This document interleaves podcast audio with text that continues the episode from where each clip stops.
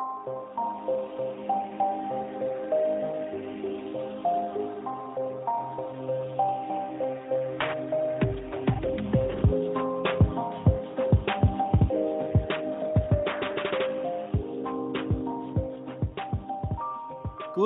tidspunkt og velkommen til endnu en uh, afsnit, episode af Noget om Film. Vil, vil, du, vil du have den igen fra jer?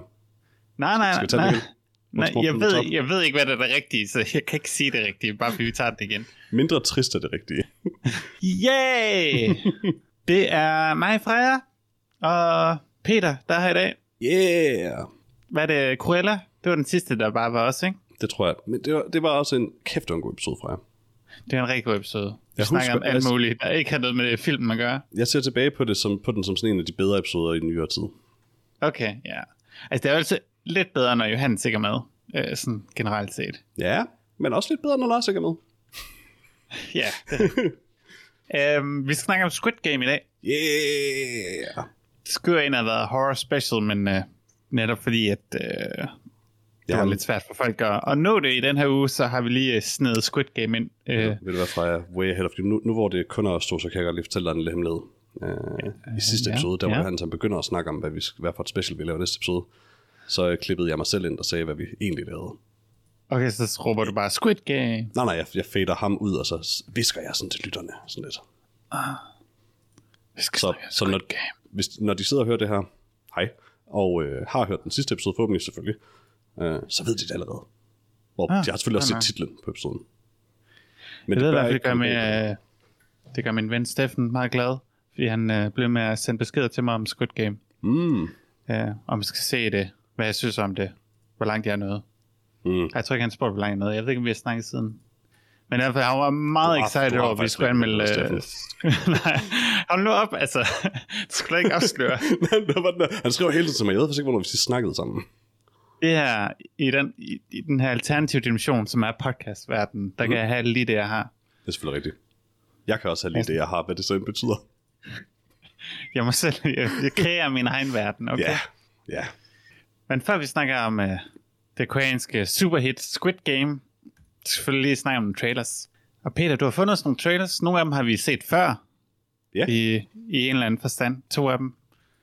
Uh, og vi kører selvfølgelig fem trailers. Fordi Ah, det, ah, det ja, gør ja, vi jo. Ja.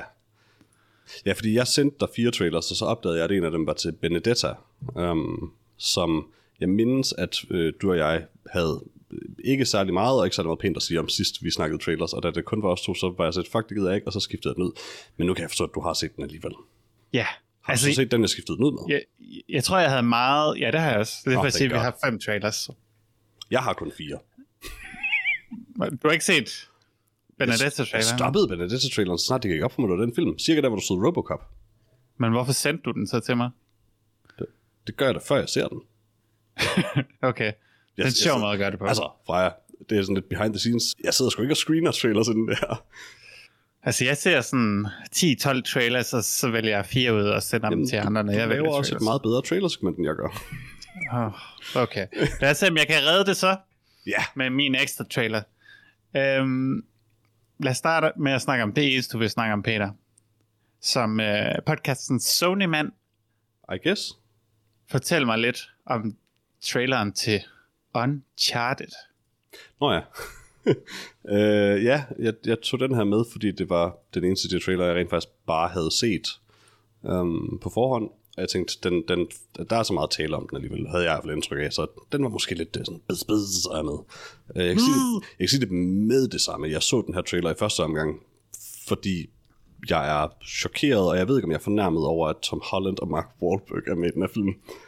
Um, Det er vist længe. Tom Holland er, jamen, jeg har ikke fulgt det, og jeg har bare antaget, sådan. Okay. de, kan ikke, de kan vel ikke gøre sådan, det er helt vildt dumt, og sådan virkelig fejlkastet, men det kunne de. Uh, Tom Holland er fejlkastet, og jeg hader Mark Wahlberg, så jeg vil sige, Tom Holland gør en god indsats, og det, det er meget Uncharted, den her trailer. Uh, det er det Ja. virkelig. Måske lidt, lidt meget Uncharted. Um, Til tider ligner det bare et computerspil. Ja. Det er sådan lidt interessant måde at gøre det på. ja, også fordi Uncharted i forvejen er sådan super, altså sådan hyperrealistisk på en eller anden måde, i, sådan, altså, i grafisk stil. Um, mm. Lidt ekstra favorit, men uh, meget filmisk i hvert fald. Men man kunne måske godt have valgt, at, at, at de, de behøvede ikke sådan Nathan Drakes klassiske outfit, fordi det ligner bare noget fra år 2000. Ja, Og vi skal måske sige, at, at uh, Uncharted er en serie computerspil, Nå ja. der ikke uh, spiller spil, um, som uh, ja, har været på Playstation i rigtig mange år. Var et Ja. stort hit. Men, ja, jeg ved ikke, så de er bestemt for at filmatisere den.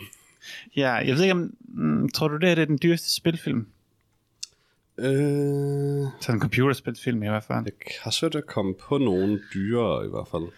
Nej, altså jeg tror, hmm, Altså Super Mario Brothers måske.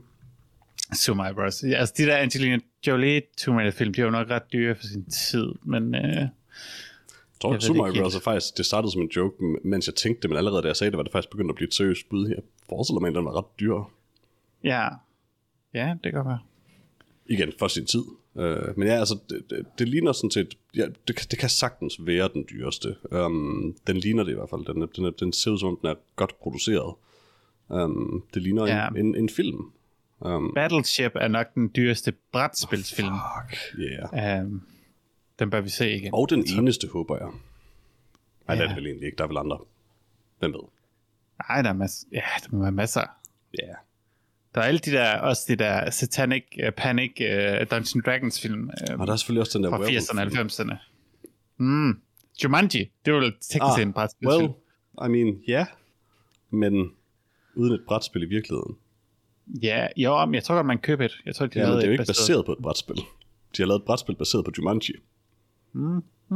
Det vil, Det er jeg sådan... Altså, ni, okay, jeg, jeg er forholdsvis sikker på det. kan vi vide det med sikkerhed? Kan vi Øh. Men ja, være sikre på, at det ikke er en dokumentar, Peter? altså, hvem ved.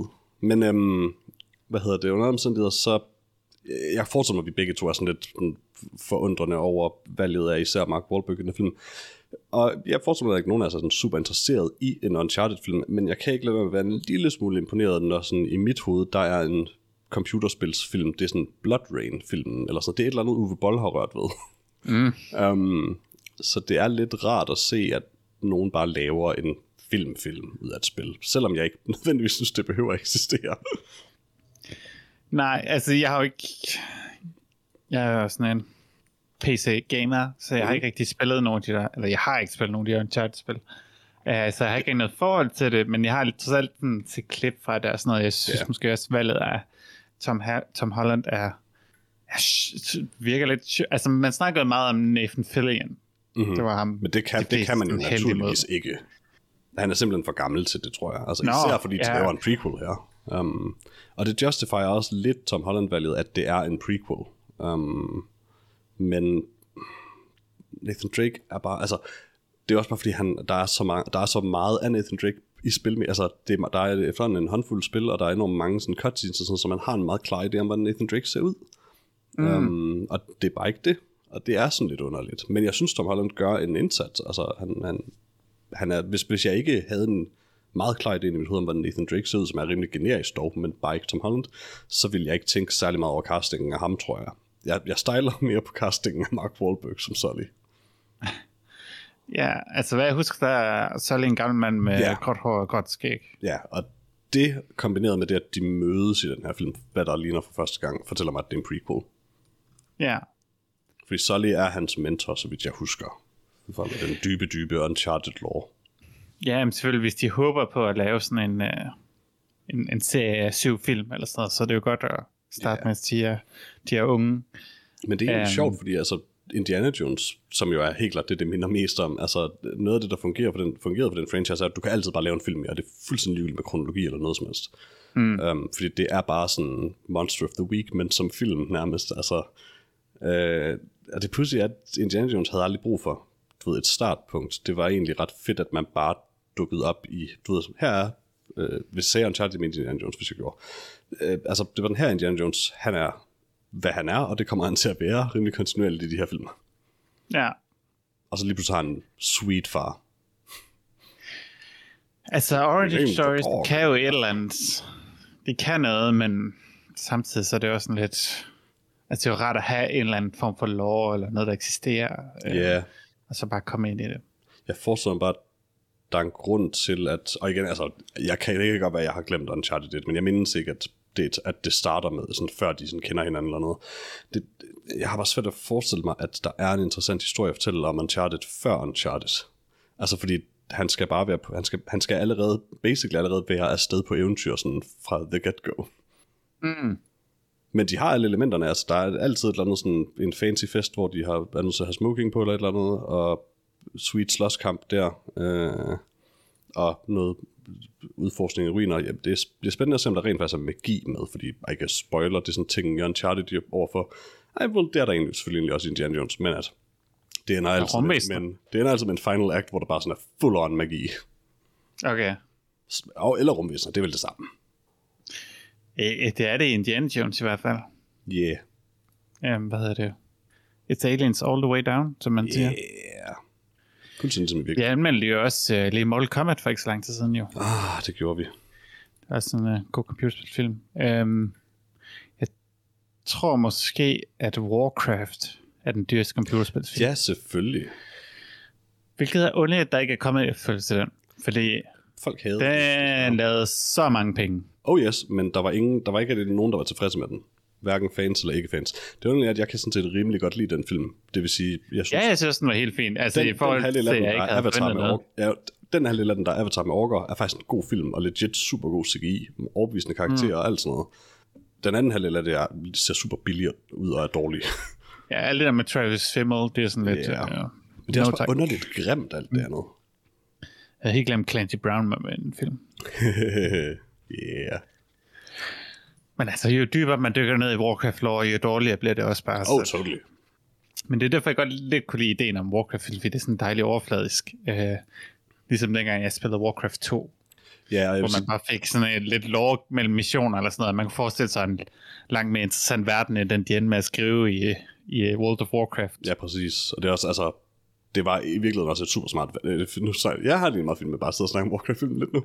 øh, men det var egentlig et super smart valg, at de, at de tog at de udgangspunkt i strategispillene og ikke World of Warcraft, som jo havde været det oplagte et eller andet sted, men de valgte sådan lidt at fokusere på dengang historien i Warcraft var super basic. Ja, Så snart den ikke er super basic, er det meget tydeligt, hvor åndssvagt den er. ja, når man bare skal skrive altså flere hundrede karakterer til en MMO, så bliver det bare lidt noget fis. Og de alle sammen skal og- sige noget cool. Ja. Og ja, måske de uh, folk ansat hos Blizzard, uh, writers-typerne der, de var sådan lidt nogle uh, ens typer, som måske ikke var så gode til at skrive, som, som man sådan lige uh, Ja. havde brug for i de spil. I tilfælde øh, vores lyttere ikke aner, hvad der foregår hos Blizzard øh, for tiden. Øh, det vildeste shitstorm nogensinde, velfortjent også. Men øhm, på Reddit ser jeg sådan en gang imellem underlige små sådan, Åh, her er noget, de har fjernet fra World of Warcraft nu, eller skrevet nye replikker, eller sådan noget. Det er bare sådan, hvor mange fucking dick jokes var der i World of Warcraft? Altså, jeg forstår godt, I er irriteret over det her, men det er vildt for mig, at der bliver ved med at være nye ting, de nu fjerner fra det. Ja. ja de har også lige aflyst og BlizzCon. noget også. ja, det vil jeg nok også gøre at this point. Ja, det var ikke lige... Ja. Det er til gengæld Det var ikke lige over. Nej, det er sikkert en pisse synd for dem, der arbejdede på, well, dem, der arbejder på alle deres spil, men, men også dem, der arbejdede på Diablo 2 Resurrected, at det er sådan, jeg har stadig ikke købt det, fordi jeg har sådan lidt lyst til at boykotte Blizzard, men jeg har vildt meget lyst til at spille det spil. Ja, men det skulle vist også have nogle serverproblemer, så det er nok fint nok at vente. Ja, men jeg vil alligevel sandsynligvis bare spille det offline til at starte med. Jeg vil bare gerne spille Diablo Uh. 2 igen. Men Du kan altid spille... Jeg købte Diablo 2 for halvanden år siden. Spillede det for første gang. Jamen, jeg vil gerne spille Diablo 2 igen, og så kunne sidde og skifte frem og tilbage mellem ny og gammel grafik, og være sådan, ha, ha, ha. Uh, okay. Hvad har du snakket om? Det kan også være Prince of Persia Sands of Time er den dyreste uh, Det håber jeg fandme ikke. computerspilsfilm. Uh, ifølge Wikipedia er den, kan den koste mellem 150 og 200 millioner, hvilket potentielt gør den dyrere end uh, nej. Warcraft, som har kostet 160 millioner. Alle de mange Prince of Persia fans.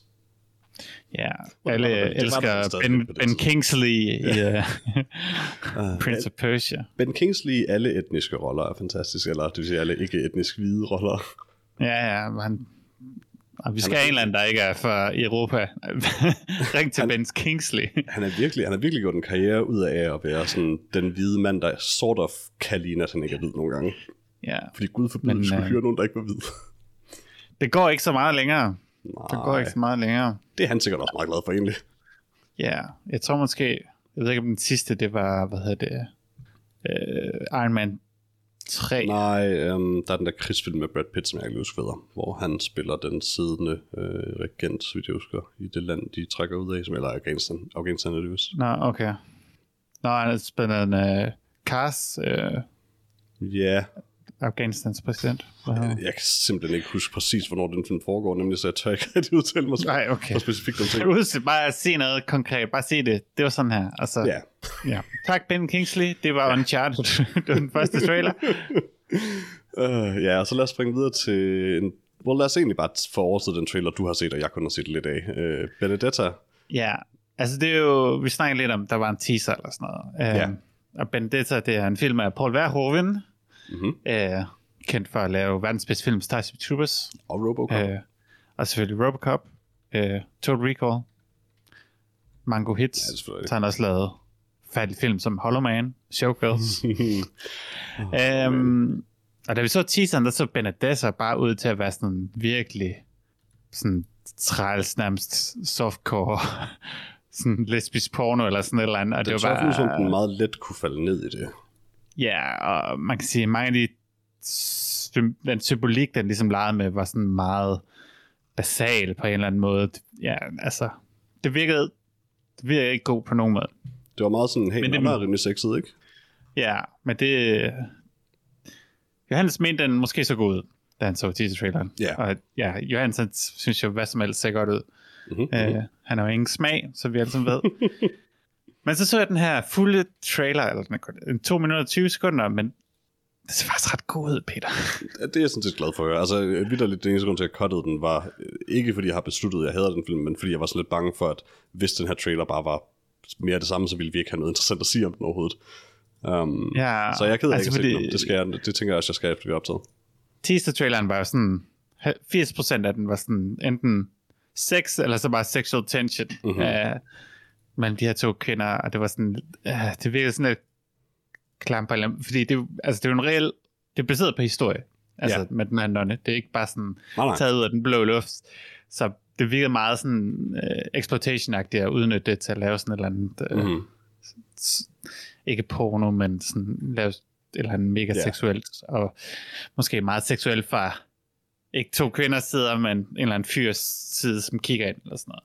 Men ja, øh, det, det, var i hvert fald noget af det, vi snakkede om dengang. At Ja. Det var sådan lidt, det var en mand, der skrev om det, og plus at man har måske lidt grund til at være bekymret med Paul Verhoeven, når han trods alt også som selv har Hollow Man. han, ja, han har ikke... Han, en af de mest Han seksuelt problematiske film.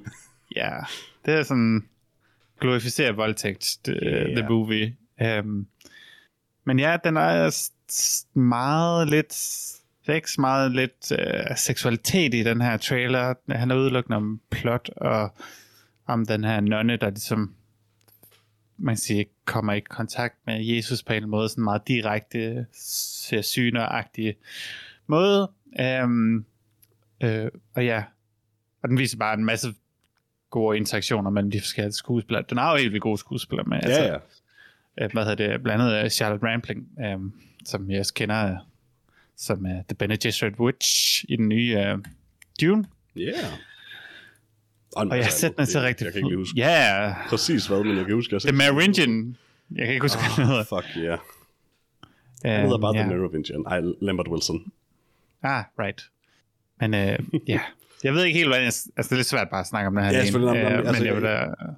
Jeg, jeg, jeg er nu ked af, at jeg har set den, så det er jo sådan set meget godt for den. Eller hvad man kan sige. Altså, altså jeg, jeg, jeg er glad for at høre, den, den ser god ud, fordi Paul Verhoeven, når Paul Paul Verhoeven er god, er en super god instruktør. Så altså, nu er jeg totalt on board på den, og skal helt klart se traileren. Ja, den kan jeg i hvert fald eller andet. Øh, jeg skal ikke kunne sige i sidste ende, om filmen bliver ligesom den første teaser, eller som den her trailer, men øh, jeg er da i hvert fald interesseret i at se den nu. Bliver det Starship Troopers med nonner, eller bliver det Hollow Man med nonner? ja, time will tell. Lad os uh, hoppe videre til den næste film, vi også har set en teaser Ja. til før. Så, så, så lad os tage... Men, nå, okay, ja. Lad os tage den- en anden film, jeg havde glemt, jeg allerede havde set ud fra titlen, uh, traileren til. Og jeg blev også lidt ked af det, da jeg opdagede den, men jeg overgivede ikke at skifte to ud. så den har jeg set. Uh, til traileren til uh, Red Notice med uh, Ryan Reynolds, Dwayne The Rock Johnson, undskyld, Dwayne Johnson hedder han jo bare nu, og Gal Gadot. Um, en 20 Ryan Reynolds, en, en FBI igen, tror jeg. Gaucho. Dwayne The Rock Johnson. Og ja, en gaucho også, ja. Men det er de, det er de vist alle sammen. Og en, og en tredje tyv, men, men hun er en kvinde, Gal Gadot. Okay. Ja, Hvor det er sådan lidt, er det ikke hendes karakter? Også en tyv, men kvinde. det er muligt. Det er muligt. Uh, jeg, var, jeg var meget lidt vild med teaseren til Red Notice, så jeg mindes, at det var vist egentlig også bare os to. Uh, jeg mindes i hvert fald, at du var sådan okay med den. Altså, du var sådan, ja, det kunne jeg godt se. Ja, altså, det var mest bare fordi, den lignede sådan et eller andet tilforladeligt. Ja, det var egentlig derfor, jeg var sur på den, tror jeg. Okay. Men Jeg tror, jeg ja, kan bedre lide den nu. Ikke, jeg, Altså, jeg, jeg jeg ikke vild også, med den den, er- men jeg kan bedre lide den. jeg synes også, den her trailer var bedre, end det vi så sidst. Øhm, Ja. jeg synes stadig ikke, Gal Gadot er god. Nej. Hun, hun Skulle måske bare- bare... Altså, har du set Wonder Woman-filmen? Ja, Jeg synes faktisk, hun er rimelig... Altså den første, men jeg synes faktisk, hun gør det rimelig godt der. Men det er også fordi, hun sådan skal være øh, sådan lidt stiv i det, og ikke rigtig forstå, hvad der foregår omkring, eller sådan, bare sådan Det er lidt ret forvirret. Det er måske ret nok. Øh, her er der, ja, eller generelt, når hun rent faktisk sådan rigtig spiller skuespil, så er det bare, ja. Det, hun, hun er ikke føles godt stift. castet til smooth talker-rollen på den her måde. Altså, Nej. Men ja, en uh, action-komedie hmm? slash heist movie. ja, altså Ryan Reynolds har efterhånden lavet, hvor både ham og og Dwayne Johnson har lavet like halvdelen af dem, der findes på en eller anden måde. Ja. Så det, på en eller anden måde er det jo også bare, det var, altså, det var bare et spørgsmål om tid før, før jeg ved, hvad, jeg er ikke engang sikker på, at de ikke har været med i en sammen før, øh, før de blev sat sammen i sådan en, men øhm, jeg, jeg, tror, det der, det der gjorde den honestly en lille smule bedre for mig i den omgang, det var, at der var lidt mere sådan, her er øh, noget nær en hel scene øh, undervejs, så man rent faktisk kunne få en fornemmelse for, for deres øh, comedy, altså komisk, komiske timing sammen, og deres kemi og sådan. Og jeg synes egentlig, mm. deres kemi i setupet til slåskampen der med glasset, det er en totalt banal joke, men jeg synes egentlig, de solgte den meget fint. Ryan Reynolds i hvert fald var ret nuttet, da han slog albuen ind i glasset. Ja. Ja, altså, jeg tror, Ryan Reynolds kan have kemi med hvem som helst. Ja. Altså, jeg tror ikke. Giv ham en sten. Eller The Rock. Det er Ja, muligt, der havde og så har han kemi med. Ja, Ryan Reynolds er god, men der kommer også et eller andet tidspunkt, hvor hvad han kan, at vi måske sådan bliver træt af det. Fordi det... Det- er meget det samme, han gør igen og igen. Ja, men jeg, jeg, har, jeg har altid lidt for det med, at Ryan Reynolds tydeligvis også bare er ret passioneret omkring at lave film, punktum. Mm. Altså i den forstand, at, at du ved, fordi hans første take på Deadpool var så dårligt, og det var ikke hans skyld, men at han påtog sig ansvaret sådan single-handedly at tvinge en rigtig Deadpool-film ind i verden, som så blev vildt populær. Altså, det er svært at underkende, at han har talent for, hvordan film bliver til på en eller anden måde, og, og er brænder enormt meget for det, hvor jeg har altid følt, at The Rock mest af alt brænder for The Rock, eller undskyld, Dwayne Johnson. Um, så jeg har meget, jeg, jeg, jeg tror, well, virkeligheden er jo nok, at, at Dwayne The Rock Johnson vil være berømt meget længere end Ryan Reynolds, men i min verden ville det være dejligt, hvis det var omvendt. Jeg synes, Ryan Reynolds fortjener det mere i hvert fald. Du ser frem til Free Guy. Ja, altså jeg undrer mig faktisk så ofte over, hvorfor jeg ikke har set den endnu. Er den ude? Jeg ved det ikke. Jamen, det, det, den, den har været på Disney Plus i noget tid nu. Nå, okay. Jeg har ikke, jeg har ikke Disney Plus længere. Ja, men min søster har op med at betale for det, så nu har jeg ikke adgang til det. Mm, Men til gengæld har jeg jo fået uh, HBO Max nu. ja, Og jeg ved ikke, om der er sådan, du, du har glædet dig meget. Mest fordi jeg troede lige snart jeg fik det, så få lov til June. Igen. Uh, ja, men det fik jeg ikke lov til. Nej, der er ikke noget på det endnu, eller så meget på det. Er der ikke endda mindre på det lige nu, end der var på HBO Nordic? Uh, nej, det tror jeg ikke. Altså, Og hvem Det er ved, svært man, kunne, man kunne ikke rigtig se en oversigt til HBO Nordic. Nej. Uh, der er måske nogen der, men altså, de sagde i de her dage, der puttede de mere på, uh, mens de Ja. var launch det. Bare underligt, at det ikke... Det, det, sådan, det føles sådan lidt weird. Hvordan kunne I ikke have, bare have gjort det klar? Ja, det ved jeg heller ikke. Men uh, du kan se Suicide Squad. Øh, den nye? Ja. The Suicide Squad, tror jeg hedder. The, this, this Suicide Squad. The Suicide Squad. Øh, så vil jeg Ja. gerne, fordi jeg, jeg vil ikke se den gamle igen, men øh, jeg se den nye. Det er sjovt, fordi når man, man kan godt se den nye, men de, før man kan se den, så skal man se den gamle igennem. Det er sådan øh, en regel, de har. Ah, well, altså jeg har set den to gange, så jeg kan måske også godt overleve en tredje. Men ja, jeg vil gerne se Suicide Squad. Uh, du kan også se Mortal Kombat, Den som nye vi er nødt til at, ja, som vi er nødt til at Mm. lege. igen. Eller nej, Ja, ja, der, der er det den dårlige, du nævner, egentlig. Det, som vi fandt ud af, da vi lavede podcasten, vores Mortal Kombat special, så var den nye Mortal Kombat den bedste. Det var den midterste. Du kan også se uh, den nyeste øh, Wonder Woman, apropos. Men ja, Nu er spørgsmålet bare, hvornår vi må se Dune igen. ja. det er et godt spørgsmål. Hvis vi er heldige i morgen. Eller fra når Ja. vi optager. Jeg var lige ved at tage biografen og se den igen i går. Det forstår jeg godt. Men så gjorde jeg det ikke, fordi jeg tænkte, at jeg kunne se den på HBO Max, men så fik jeg ikke lov at se den alligevel, så nu, nu er jeg bare sur. Uh. Næste trailer. Ja. Jeg kan godt lide det her trailer, men det giver ikke nogen mening. Nej, det gør det overhovedet ikke. Øh, skal vi ikke tage... Lad os bare få den overstået. Min, min dårlige erstatning for Benedetta, som vi så stadig snakkede om. Paranormal Activity, colon, next of kin. Hvem mm. har ikke siddet og tænkt, ved du hvad verden mangler? En Paranormal Activity film mere. Hvem har ikke siddet og tænkt? Altså, øh, jeg har tænkt, altså, hele tiden. Præcis. Har du set nogen af dem? Nej. Okay.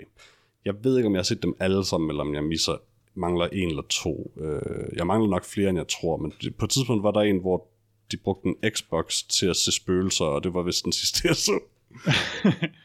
Altså, jeg kan ikke forestille mig noget så kedeligt, som at se et spøgelse sådan flytte en ting, eller sådan noget.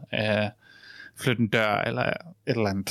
Jamen, de er heller Øhm. ikke... Øh, altså, de er virkelig heller ikke super gode. De, de, de har altid været lidt en kuriositet for mig, fordi de er et sådan interessant studie sådan, hvor meget kan man egentlig lave en, en horrorfilm uden noget som er specielt. Den første er specifikt. Ja. Um, og svaret er jo sådan, at man kan komme sådan 70-80% i mål. Um, I virkeligheden Men nok den det eneste, film- ikke er godt ved den første Paranormal Activity-film, er altså scriptet og skuespillet. Ja. Men det var også lavet for sådan 30 dollars, eller sådan noget. Ja, ja, altså, det er vildt basic, de effekter, altså de effekter, der er alle sammen kameratricks, og det, men det er sygt smarte kameratricks i virkeligheden. Øh, men siden da, da det blev, siden det blev en franchise, så har det mest af alt været sådan, øh, honestly bare den kedeligere og kedeligere, jo større budget de fik, og især jo mere de udvidede sådan loren bag, hvilket bringer os til uh, Paranormal Activity Next of Kin, som er en prequel-film, der forklarer, hvordan det hele startede, og det er måske det dummeste, man kunne have gjort med Paranormal Activity Nej, det er den forklarer. det, det var det, jeg, de sagde til mig, tror jeg. Jeg, stod, jeg synes, der stod et andet med sådan, where the, where the activity began, eller sådan et eller andet. Okay. Altså, den der Paranormal Activity Next of Kin foregår jo i uh, Amish Country, Mhm, hvor de tager ud og, og besøger Amish, fordi den ene, hun er sådan, har noget Amish familie, eller sådan noget, I don't know. Måske. Men det interessante er jo, at Amish folk er noget af det mest skræmmende for mig i hele Oh yes. Jeg vil Men de hellere der de underlige- her Paranormal Activity-folk, end jeg vil besøge Amish-folk.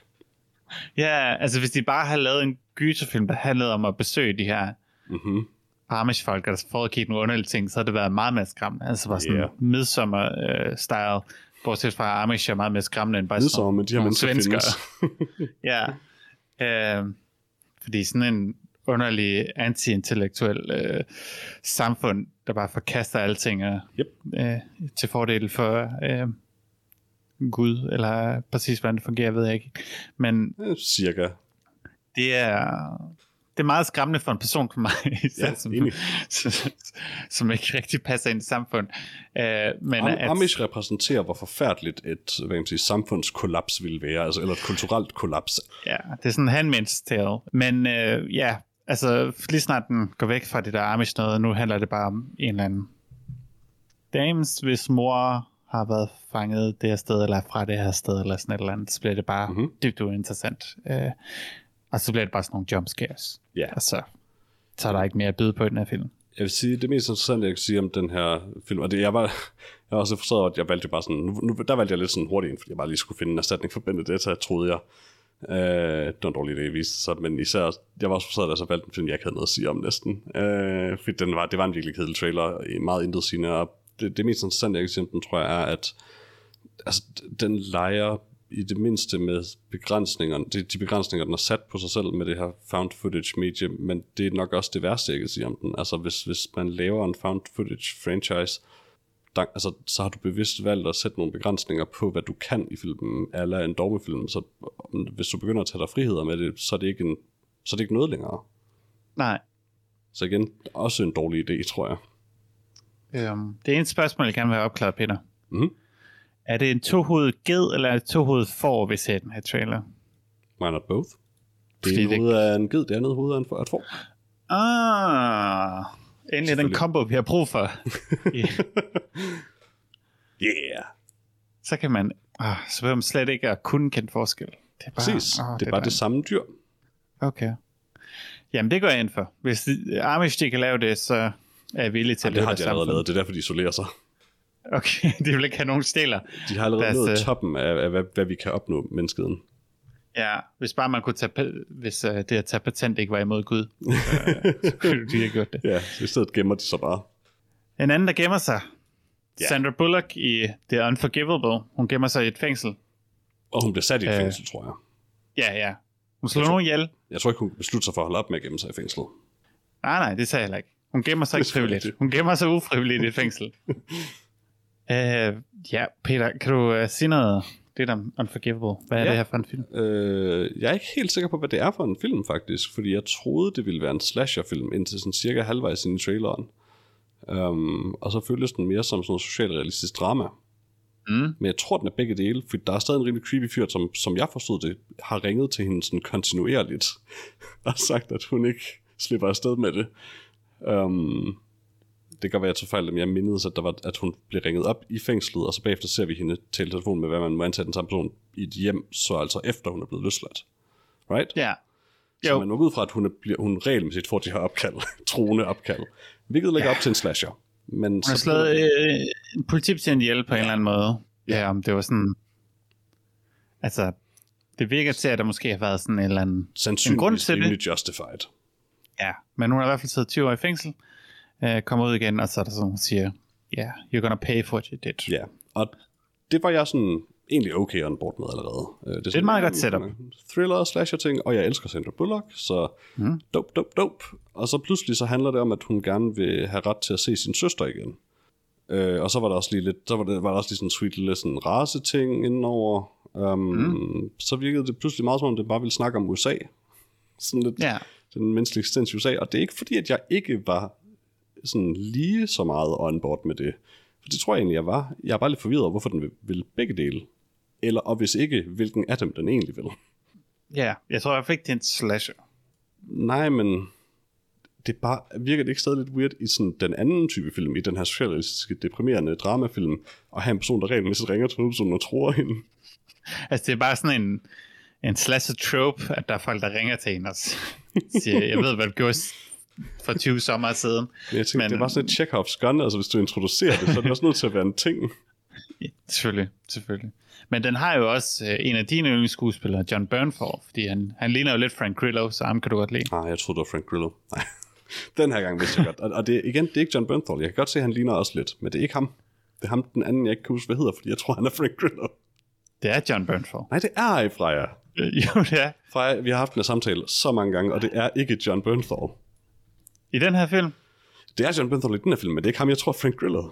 Nå, okay. jeg skulle lige Eller, du... Jeg eller, troede, er det, ja. eller er det Bernthal i den her film? ja. Men er det? Ja. Men er det? Eller er det Manu Bennett, som er ham, jeg altid forveksler med Frank Grillo? Mm, det er der ikke nogen, der ved, hvem er. Men jeg gør, tror jeg. Hvis det, hvis det altså er Frank Grillo. Det er John Bernthal. Ah, fuck. Um, ja, jeg kan. Mhm. Jeg er faktisk ikke så vild med John Bernthal i sådan, Nej, han er okay. som skuespiller. Han er bare sådan en rigtig sød fyr, så jeg er nødt til at godt kunne lide hans skuespillers. Uh, så er det sådan lidt... Ja, han spiller altid lidt en, en tough guy, men han, han har virker en en rar fyr i virkeligheden. Ja, altså han er enormt god til den der sådan smooth southern tough guy rolle. Altså det, det, det er hans karriere på en eller anden måde nærmest. Øh, Han er virkelig god til det, men det er også bare one note på en eller anden måde. Jeg ved ikke så meget, om det er hans skyld, men jeg, vil, i hvert fald- jeg kunne i hvert fald godt tænke mig at se ham spille noget andet. Jeg tror, han har spillet meget forskelligt. Vi ser ham bare ikke i, i de ting, sikkert. Nej. Men ja, Han han, er John som Bernthal, Punisher, man, faktisk. ja, det har jeg så ikke set. Men ja, Men han er meget god som Punisher. der er meget god spil. Ja. Det accepterer jeg. Godt. Jeg kunne, ikke, jeg kunne ikke lide ham i Walking Dead, men uh, Nej. det var også ligesom om, at hans rolle også ligesom gik ned ad bakke, samtidig med at Walking Dead gik ned ad bakke for mig. Ja, yeah. Øh. måske også lidt som om alle andre roller i Walking Dead gik ned ad pakke. Ja, altså er jeg gav op i tredje sæson, der, der er Så- mange andre, der har, har set alle 11 sæsoner. jeg tror, jeg kom igennem tredje sæson og gad ikke mere. Ja, okay, ej, jeg gav op sådan halvvejs igennem, fordi det bare blev for deprimerende. Eller Er 11, tredje sæson, 11 den, hvor sæson det er i gang. Ja, ja. Yes, det det, Anden- det, jeg så. Anden sæson er der, hvor de er på den her farm, Ja. og, som jeg kæmpede mig igennem. Jamen, jeg kan ikke Ja. huske, om der var en hel sæson imellem farmen og fængslet eller ej. Det føltes som om, der var det, men det tror jeg heller ikke. Det var der vist ikke nemlig. Nej. Uh, men efter sæson er, er i gang lige nu. Men seriøst er det stadig i gang. Jeg troede faktisk, det var Ja, ja. Nej, nej. What? What? Uh, never ends. Damn. Er der nogen, der ser det stadig? Yep. Der er mange, der ser Wow. det stadig. Er du sikker? Ja. Hmm. Jeg er ikke opvist. Det er stadig, der er mange, der ser det, og samtidig hader det. det er sådan lidt... um, nogle mennesker bliver bare fanget i den der, jamen, så skal jeg også se det færdigt. Ja, altså... Uh, og jeg har, jeg tror, den serie, jeg har prøvet det med, det var Lost. Hvor jeg var sådan, jamen, jeg skal jo også lige... Jeg bliver aldrig, Se, hvad der jeg, sker. jeg bliver aldrig træt af Lost personligt. Men jeg forstår godt, hvorfor folk gjorde. Jeg kunne rigtig godt lide an, første sæson. Ja, så kunne jeg også 100%. okay lige anden sæson. Og så tror jeg bare ikke, jeg været interesseret i det efter det, men det blev bare ved. Ja, ja, altså, øh, det Lost bliver til er sådan ultra niche, så jeg forstår, jeg forstår nemlig udmærket godt, hvorfor de fleste ikke er sådan specielt det. For mig var det sådan, det var lige sådan fjollet meta-agtigt nok til, at jeg synes, det var sjovt.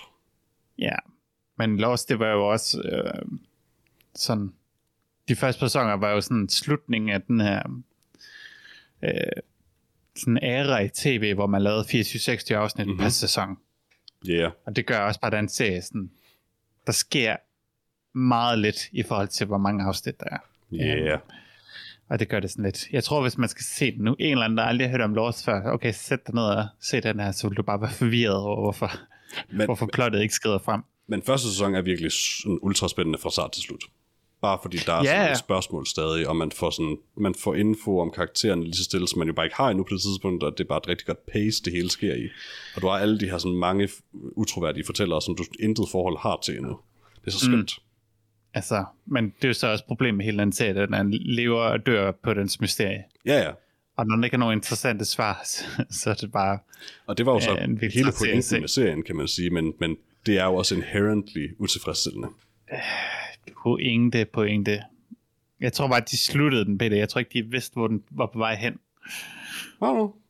Jeg, jeg, jeg, jeg køber den faktisk, altså fordi det giver, det giver rigtig god mening for mig, det der, nemlig det der med at lege lidt med ideen om, at du kan ikke lave et payoff, der er tilfredsstillende alligevel, så hvad sker der, hvis du ikke laver et payoff? Mm, mm. Jeg kan sige så meget, du tager fejl, Peter. Bare lige sådan umiddelbart. Bare lige for at slå den fast. Alright. Men uh, The Unforgivable. Mhm. Film med Sandra Bullock. Hun er sur. Hun er ked af det. Hun er Sandra Hun har været i fængsel. Hun er Sandra Bullock. Hun har en shotgun på et tidspunkt. Mm-hmm. Um, hvad er dit uh, pick of the week? Hey, og undskyld, øh, Vincent D'Onofrio var jo Davis jo der også med, det var jeg rimelig sagt over. Hvis ikke vi allerede har sagt det. Jeg, ved, ikke, jeg tror ikke rigtig, jeg bliver psyched over Vincent D'Onofrio længere. Mm, jeg bliver altid sagt over Vincent D'Onofrio. Okay. Jeg er mere psyched over Viola Davis, men jeg er bare ikke særlig psyched over The Unforgi- Unforgivable. Nej, nej, det var jeg heller ikke. Jeg er mere, mere forvirret, tror jeg, i virkeligheden end noget andet omkring den. Hvad er du til gengæld psyched over, Peter? Er det Uncharted? Ja, altså mit pick of the week. Um, skal jeg være helt ærlig? Nu, nu har jeg jo ikke set Benedetta til ende, så jeg kan ikke vælge den. Uh, det synes jeg ikke selv, jeg har, jeg har lov til. Um, Det synes jeg ikke, det var. nej, jeg tror faktisk lige nu mit pick of the week er Red Notice, hvilket er noget af en 180 for mig. Mm. Um, men den ser, som du også selv siger, lidt fordøjelig, og, altså tilforladelig ud, og, og man ved, hvad det er, og jeg kan helt vildt godt lide Ryan Reynolds. Um, jeg kan måske tolerere The Rock lidt endnu. Um, og Gal Gadot er en tyv, som også er en kvinde. Jeg kunne godt uh, se den film. Ej, det er virkelig, det er bare det, den trope er. Sådan her, jeg er det samme som hovedpersonen, men jeg er også en kvinde. Ja. Jeg kan godt, jeg kan Øhm. godt finde på at se den. Det er ikke nogen Jungle Cruise i hvert fald.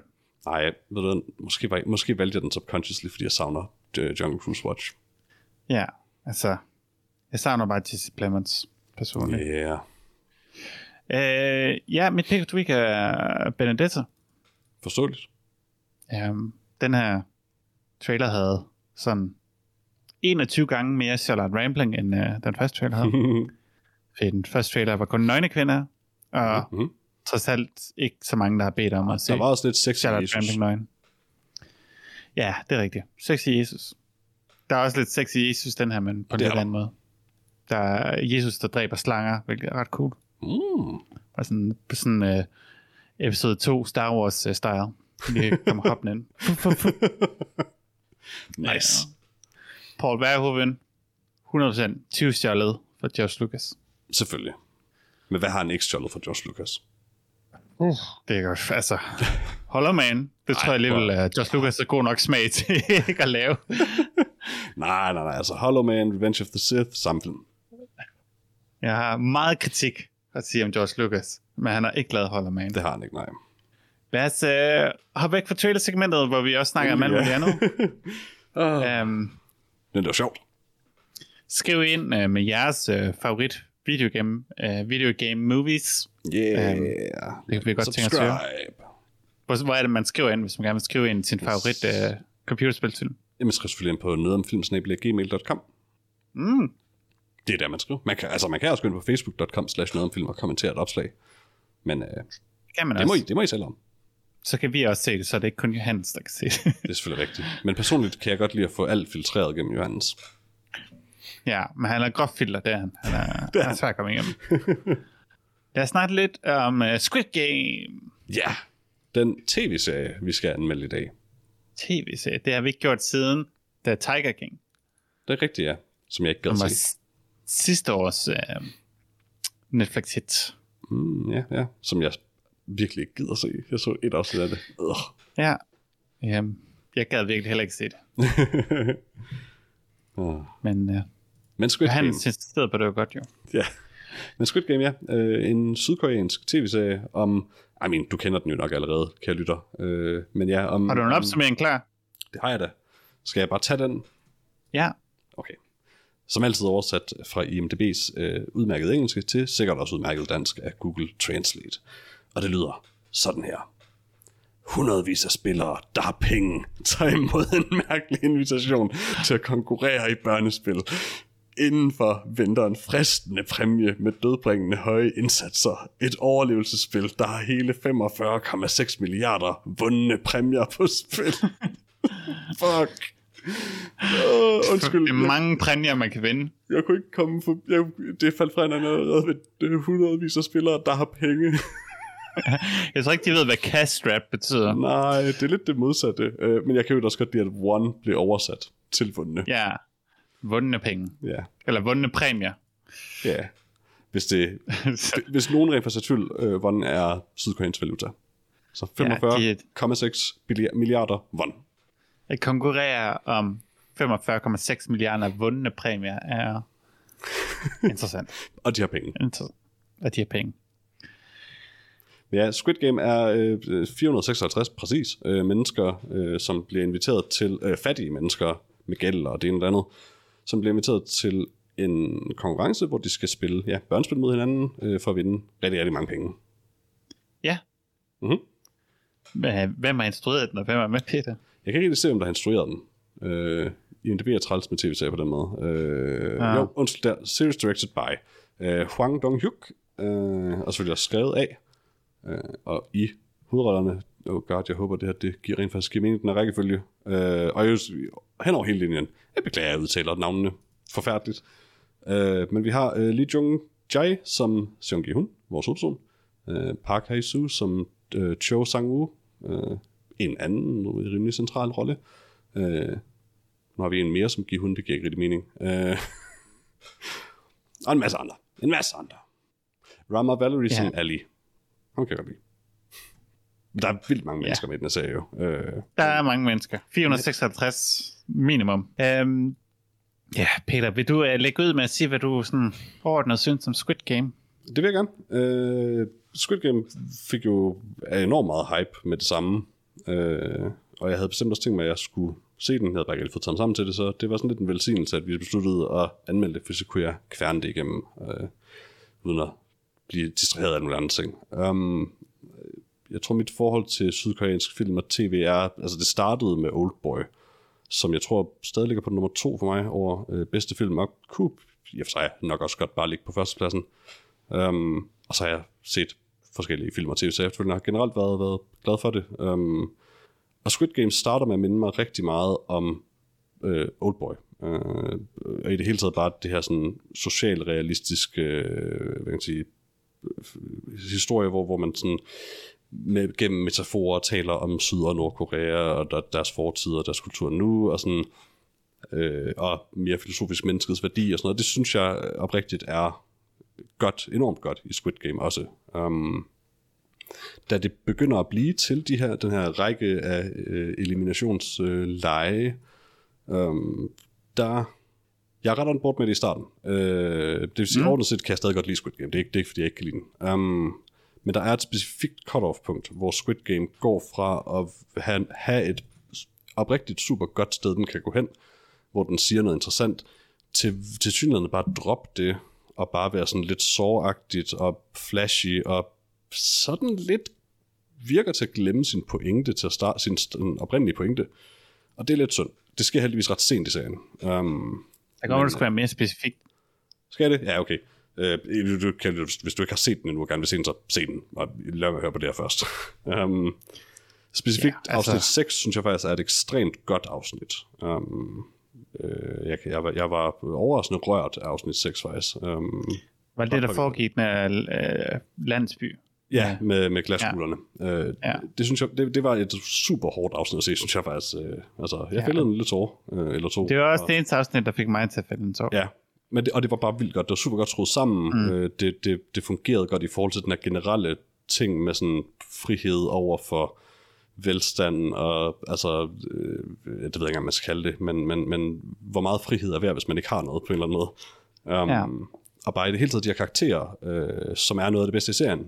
Fordi de er, der er ikke en eneste karakter i den her serie, som er 100% usympatisk. Det, og det mener jeg på den måde ikke, at jeg synes, de har god motivation altså, men at der er ikke en eneste karakter, jeg ikke har ondt af på noget tidspunkt. Um, Nej. Og det synes jeg er super, super godt. Selv sådan skurkende i, af, af, deltagerne, eller hvad man skal kalde det. Altså, der er øjeblikke, hvor jeg også har ondt af dem. Um, ja, altså man kan sige, at hver eneste karakter, der er med i det her Squid Game, er jo med, fordi de har sådan en... Sådan Ekstrem gæld eller noget lignende hængende over sig. Ja, altså de har jo alle sammen en sådan en main character baghistorie, hvor de sådan downer deres, down on their luck, og ja. skal prøve at komme, komme op igen uh, mod de her umulige odds. Ja. Så på den måde er det jo altså det er 456 hovedpersoner, som alle sammen er der.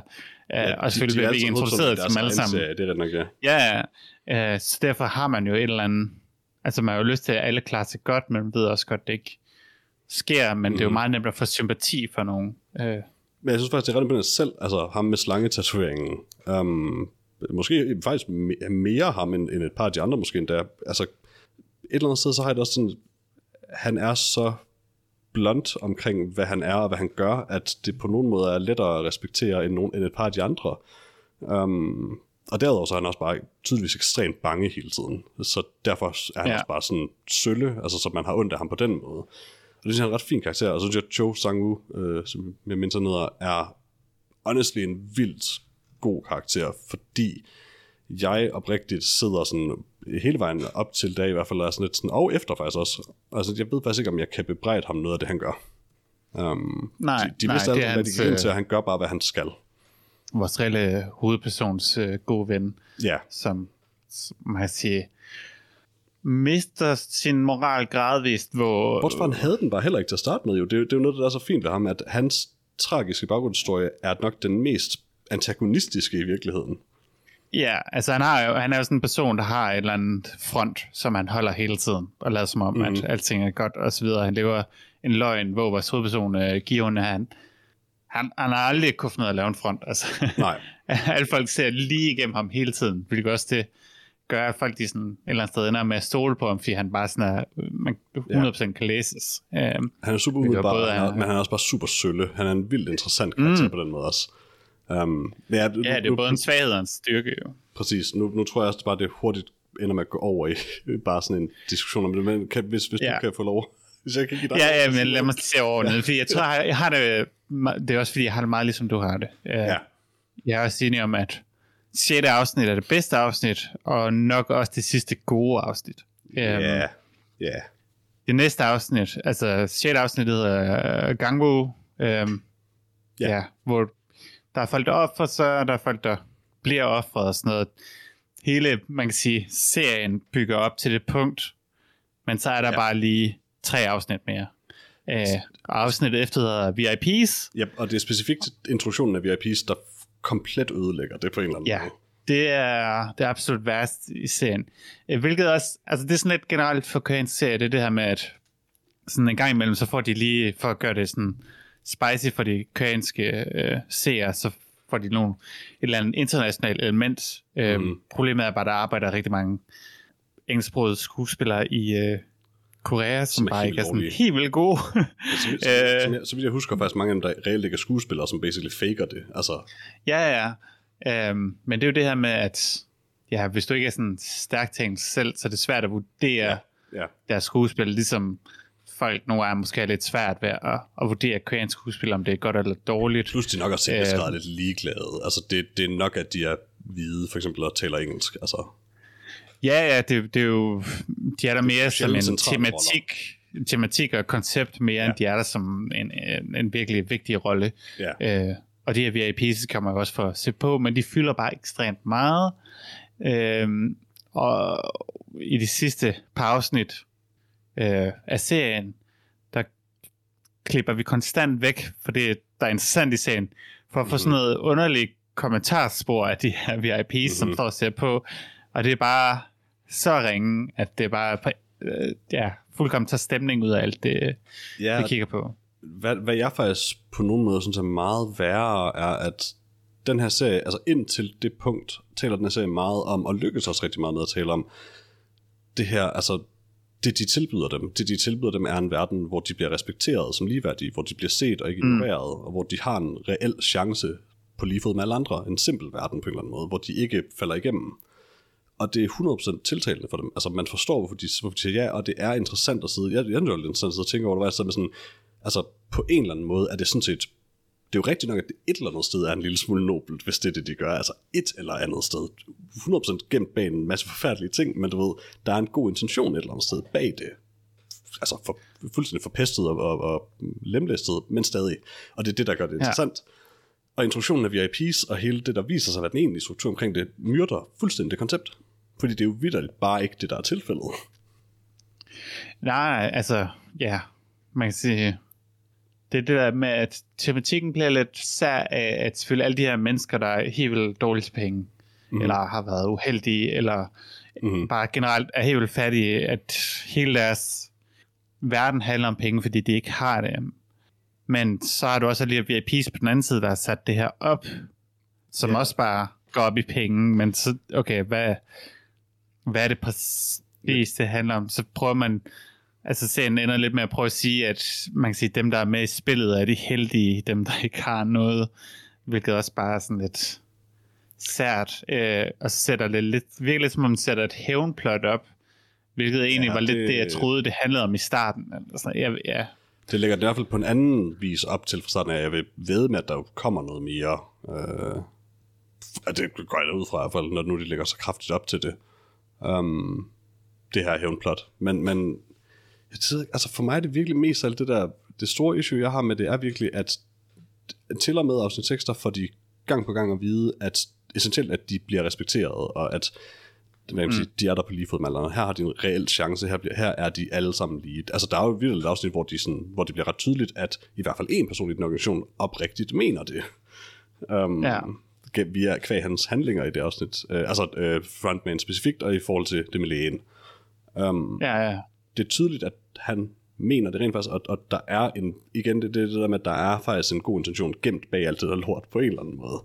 Uh, Altså, det siger han i hvert fald, men, men ja, så falder det bare jeg fra køber det i hinanden hvert fald på senere. det tidspunkt, men det er Ja, så senere ja. for at vide, at sådan decideret i en replik for at vide, at de er heste i et hestevedløb for rige mm-hmm. mennesker. Ja, Altså, så var det hele bare løgn, og, og, og det kan det også godt være. Det er bare super utilfredsstillende, fordi det andet var mere interessant. ja, det er, ja, alt vil være mere interessant, end der er bare nogen, der Mhm. mm-hmm. på det. Øh, hvilket jeg også havde lidt fornemmelsen af, at det ville være tidligere, men jeg troede, Ja. det handlede om et eller andet dybere også. Altså, jeg, øh, jeg tænkte, der var et eller andet gambling-element i det, fordi serien, man kan sige, sætter Mhm. så meget gambling op i første afsnit. Ja. Øh, det er jo hele vores hovedpersons identitet, det er jo hans, hans gambling, øh, hans ludomani. Ja.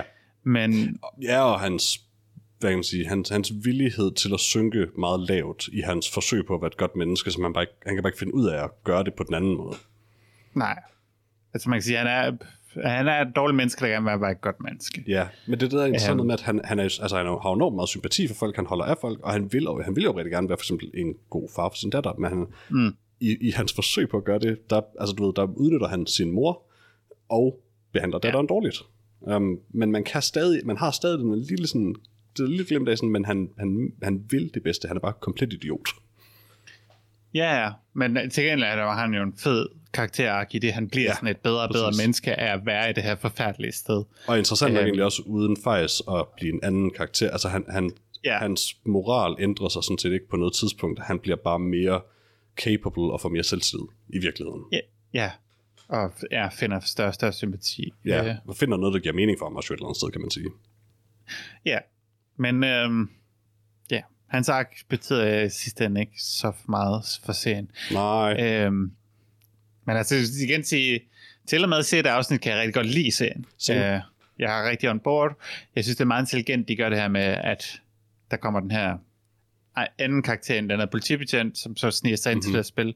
Så vi lige ser nogle ting, som man kan sige, karakteren, der er med i spillet, ikke ved. Ja. Øh, ligesom opdager det her mysterie øh, på, på, en, på en anden måde. Øh, selvom det, altså, i starten ligger det meget op til, at hende den ene karakter, hun sniger sig ind i sådan nogle øh, sådan en, ja. øh, en skagt og sådan noget, prøver at finde ud af, hvad der er sket, eller hvad der foregår. Og det er næsten, Men det eneste, hun finder ud af... Det fungerer ikke rigtigt. Nej, det er sådan lidt, hun finder ud af et lille clue omkring det næste spil, de skal spille, mm-hmm. men det betyder i sidste ende ikke noget. Øhm, I stedet for så, så bruger de ham her politibetjenten. Ja.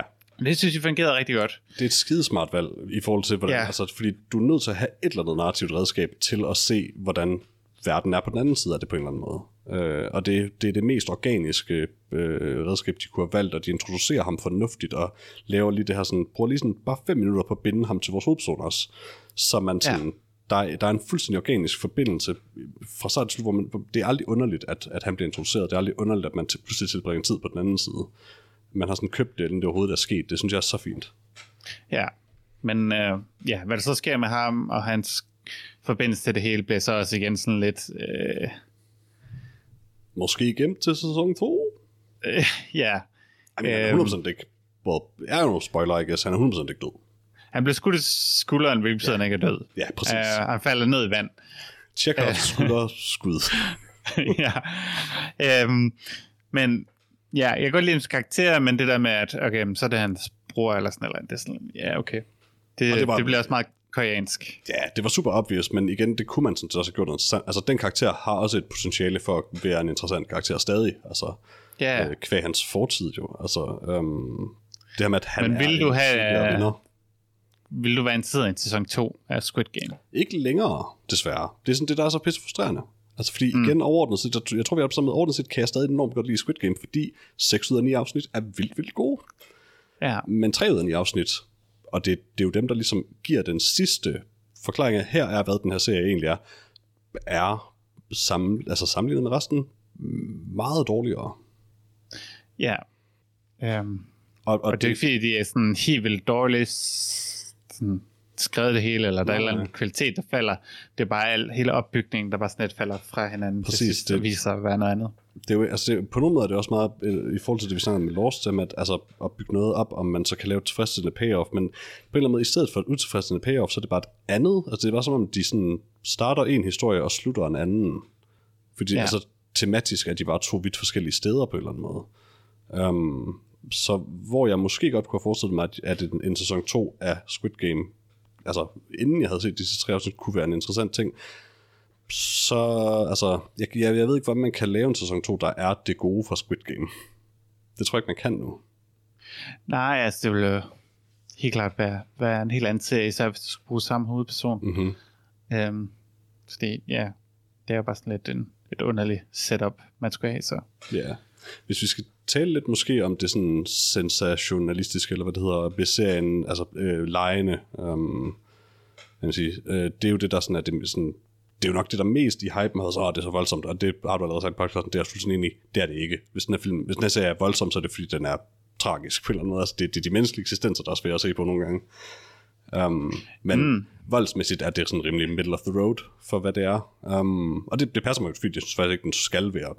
Jeg det vil være, det, det ville være skidt for den, hvis den var mere gory.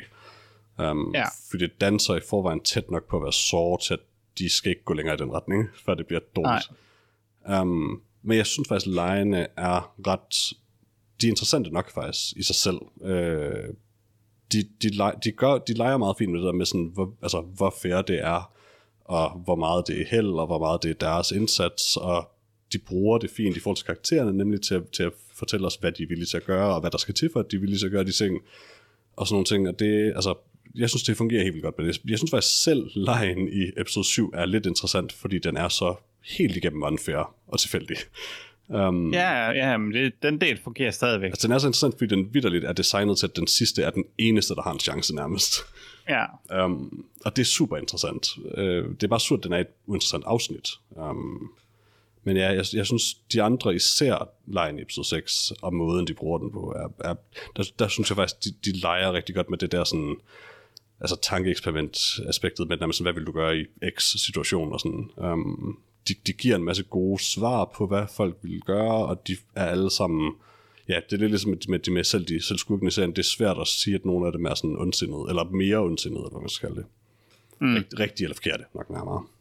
Men det er så også, man kan sige, det første spil, hvor vi har det der konstante cuts væk til det her VIP-issue. Øh, ja, i afsnit 7, ja. Trækker, ja, det trækker meget ud af det interessante ved det. Øh, det sidste, jeg sagde, det var specifikt om afsnit 6, hvis, hvis, det, hvis jeg ikke gjorde det tydeligt. Jamen, du snakker også om, at Nå, ja, man kan sige, lejen i, i søerne øh, ja, var ret god. Men altså, jeg tror ikke, jeg gjorde klart nok, men, men den sidste ros, jeg lige gav, nu kan ikke så meget det var, men den var specifikt til afsnit 6. Det her med, hvordan de viser for, folks forskellige responser på de her mm, problemstillinger. Ja. Um, I'm just gonna say it, Cho Sang-woo did no wrong. Okay. I mean, yeah, yeah. Jeg har tænkt meget over det afsnit 6 specifikt, fordi, I mean, altså, han slog verdens sødeste mand ihjel. Mm. Men jeg synes ikke, han gjorde noget forkert honestly. Hvad, altså, det er sådan lidt, hvad skulle han ellers have gjort? Spillet spillet. Prøv at vinde. Men det er det, han gjorde. Ja, men han spiller ikke det spil, han har aftalt at spille. Men det, er jo nem- men det er jo nemlig heller ikke en del af det. Det er jo det, der altså, det er det, jeg sådan, at det er faktisk det, jeg synes er så fint ved det, fordi reglerne bliver præsenteret, den regel bliver introduceret, og det er, altså, det er ikke nødvendigt at sige den del af det, altså, eller sige det på den måde, de gør, hvis ikke det er det, de lægger op til, det er det, de gerne, du ved, det er det, de vil se, om folk gør um, om, de, hvis, om de er villige til, quote unquote, at snyde sig til det, men realiteten er jo, at ifølge spillets regler er det jo vidderligt ikke snyd. Det er bare løgn. Ja, ja, men hvis du kan leve med det, Peter, så men det, er det okay. Men igen, i hans situation, da han vælger at gøre det her, der, der står han mellem det eller dø. Ja, men der var karakterer, der valgte at dø i den situation. Ja, men jeg, jeg synes ikke, det er... Altså, jeg, det gør ham jo mindre sympatisk.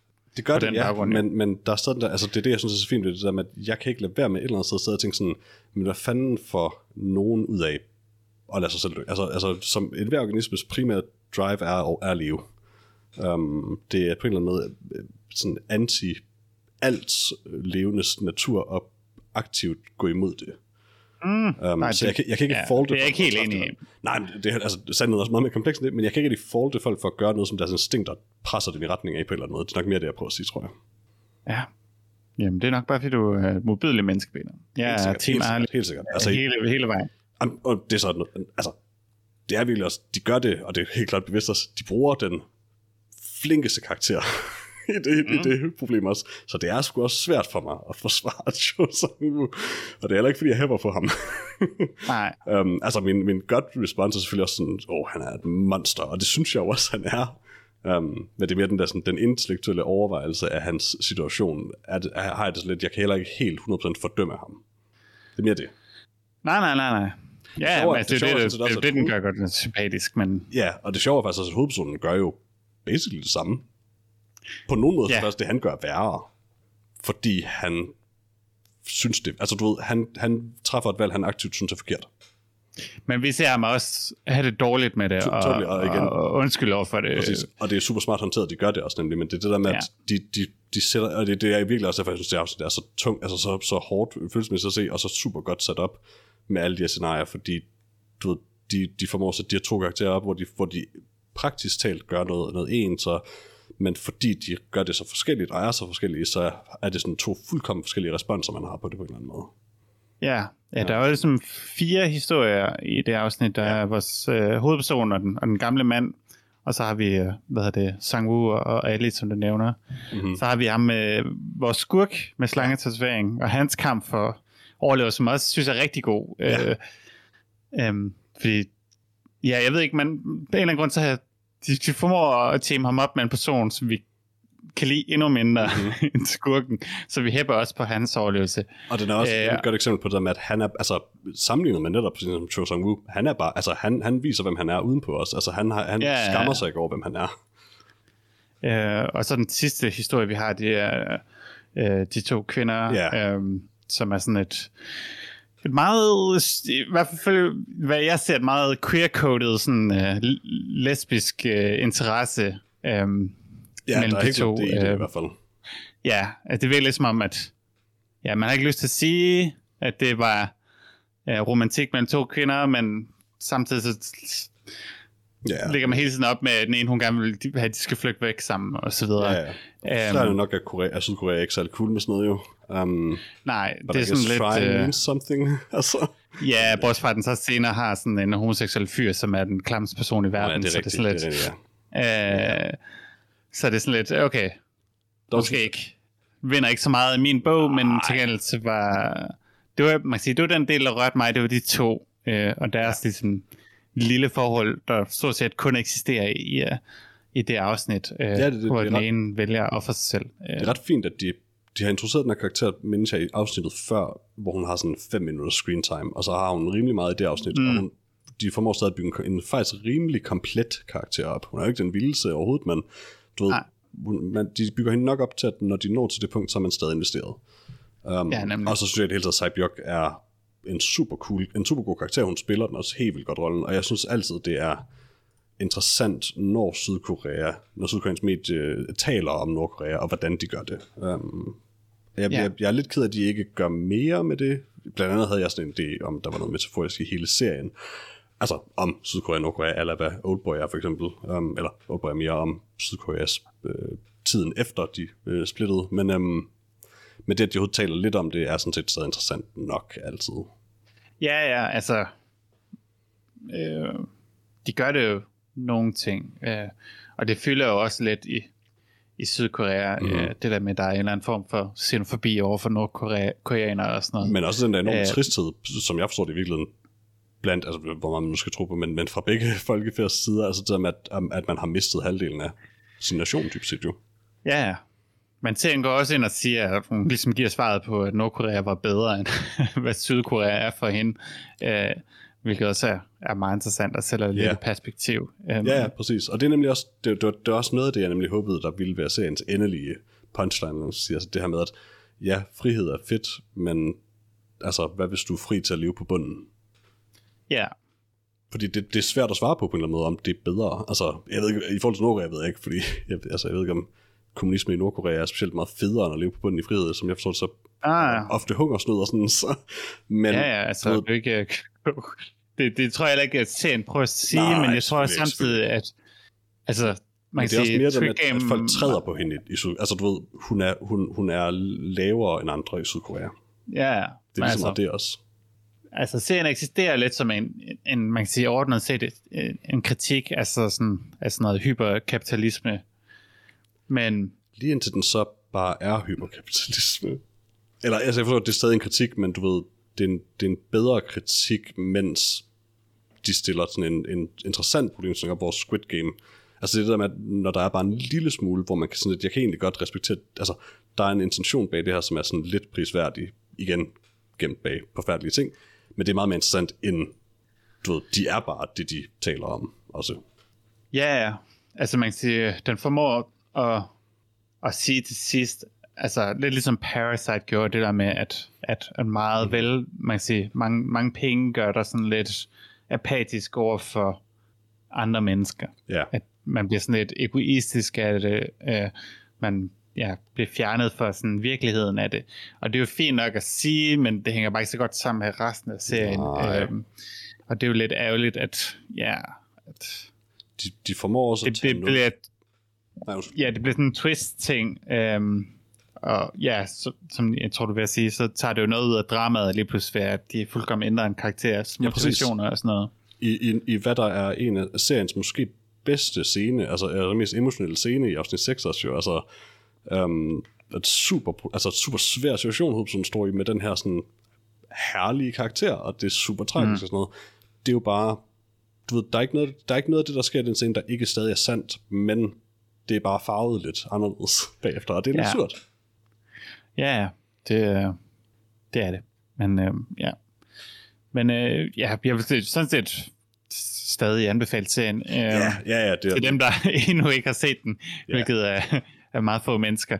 Øh, man har selvfølgelig fået spoilet en del, hvis man ikke har set den, og så har lyttet til os snakke om den. Jeg sagde også til dem, at de skulle se den inden- så. Ja. Som Johan sagde i Øhm. sidste afsnit, lev med det. En meget god serie, men nok ikke... Ja, det ved jeg ikke. Hvis det er, jeg tror, der er mange, der sådan, okay, så har de set Parasite, og nu er det deres nummer to introduktion, eller hvad, uh, intro til, uh, til Ja. koreansk film. Og så kan jeg godt se den måske imponere mere, eller måske leder folk bare efter nogle andre ting. Um, Mhm. Men ja, jeg tror bare også, den har sådan en eller anden mass appeal ting. Ja, ja, altså, og det er også, altså nu har jeg jo, det har vi jo et eller andet spektrum i, altså, jeg har sagt en masse om, hvor, hvor træls jeg synes, det er, hvad de gør med de sidste tre afsnit, hvor dårlige de er i forhold til resten. Men som du også har været inde på, altså, det er ikke fordi, de tre afsnit er sådan værre end så meget andet, der, der findes, og det, Nej. altså, de er kun så trælse, fordi det, der kommer før det, er rigtig, rigtig godt. Og selv med det, synes jeg jo stadig, og det, det hører jeg også stadig sige, at det samlede produkt er bestemt stadig anbefalesværdigt. Ja, ja. Og man kan sige, vores kritik hænger også på, at det er den mest populære serie på Netflix nogensinde. Ja, ja. Øhm, så derfor, ja, så har man måske også ventet den bedste serie på Netflix nogensinde, men den, øh, ja, den kan ikke helt leve op til det, men den har et rigtig godt koncept. Øhm, Ja. Og hvad jeg synes, der er nu har jeg jo set øh, mange af de her koreanske variety shows, øh, Mhm. hvor de spiller spil og render rundt i sådan nogle træningstrakter, ligesom gør i Squid Game. Mhm.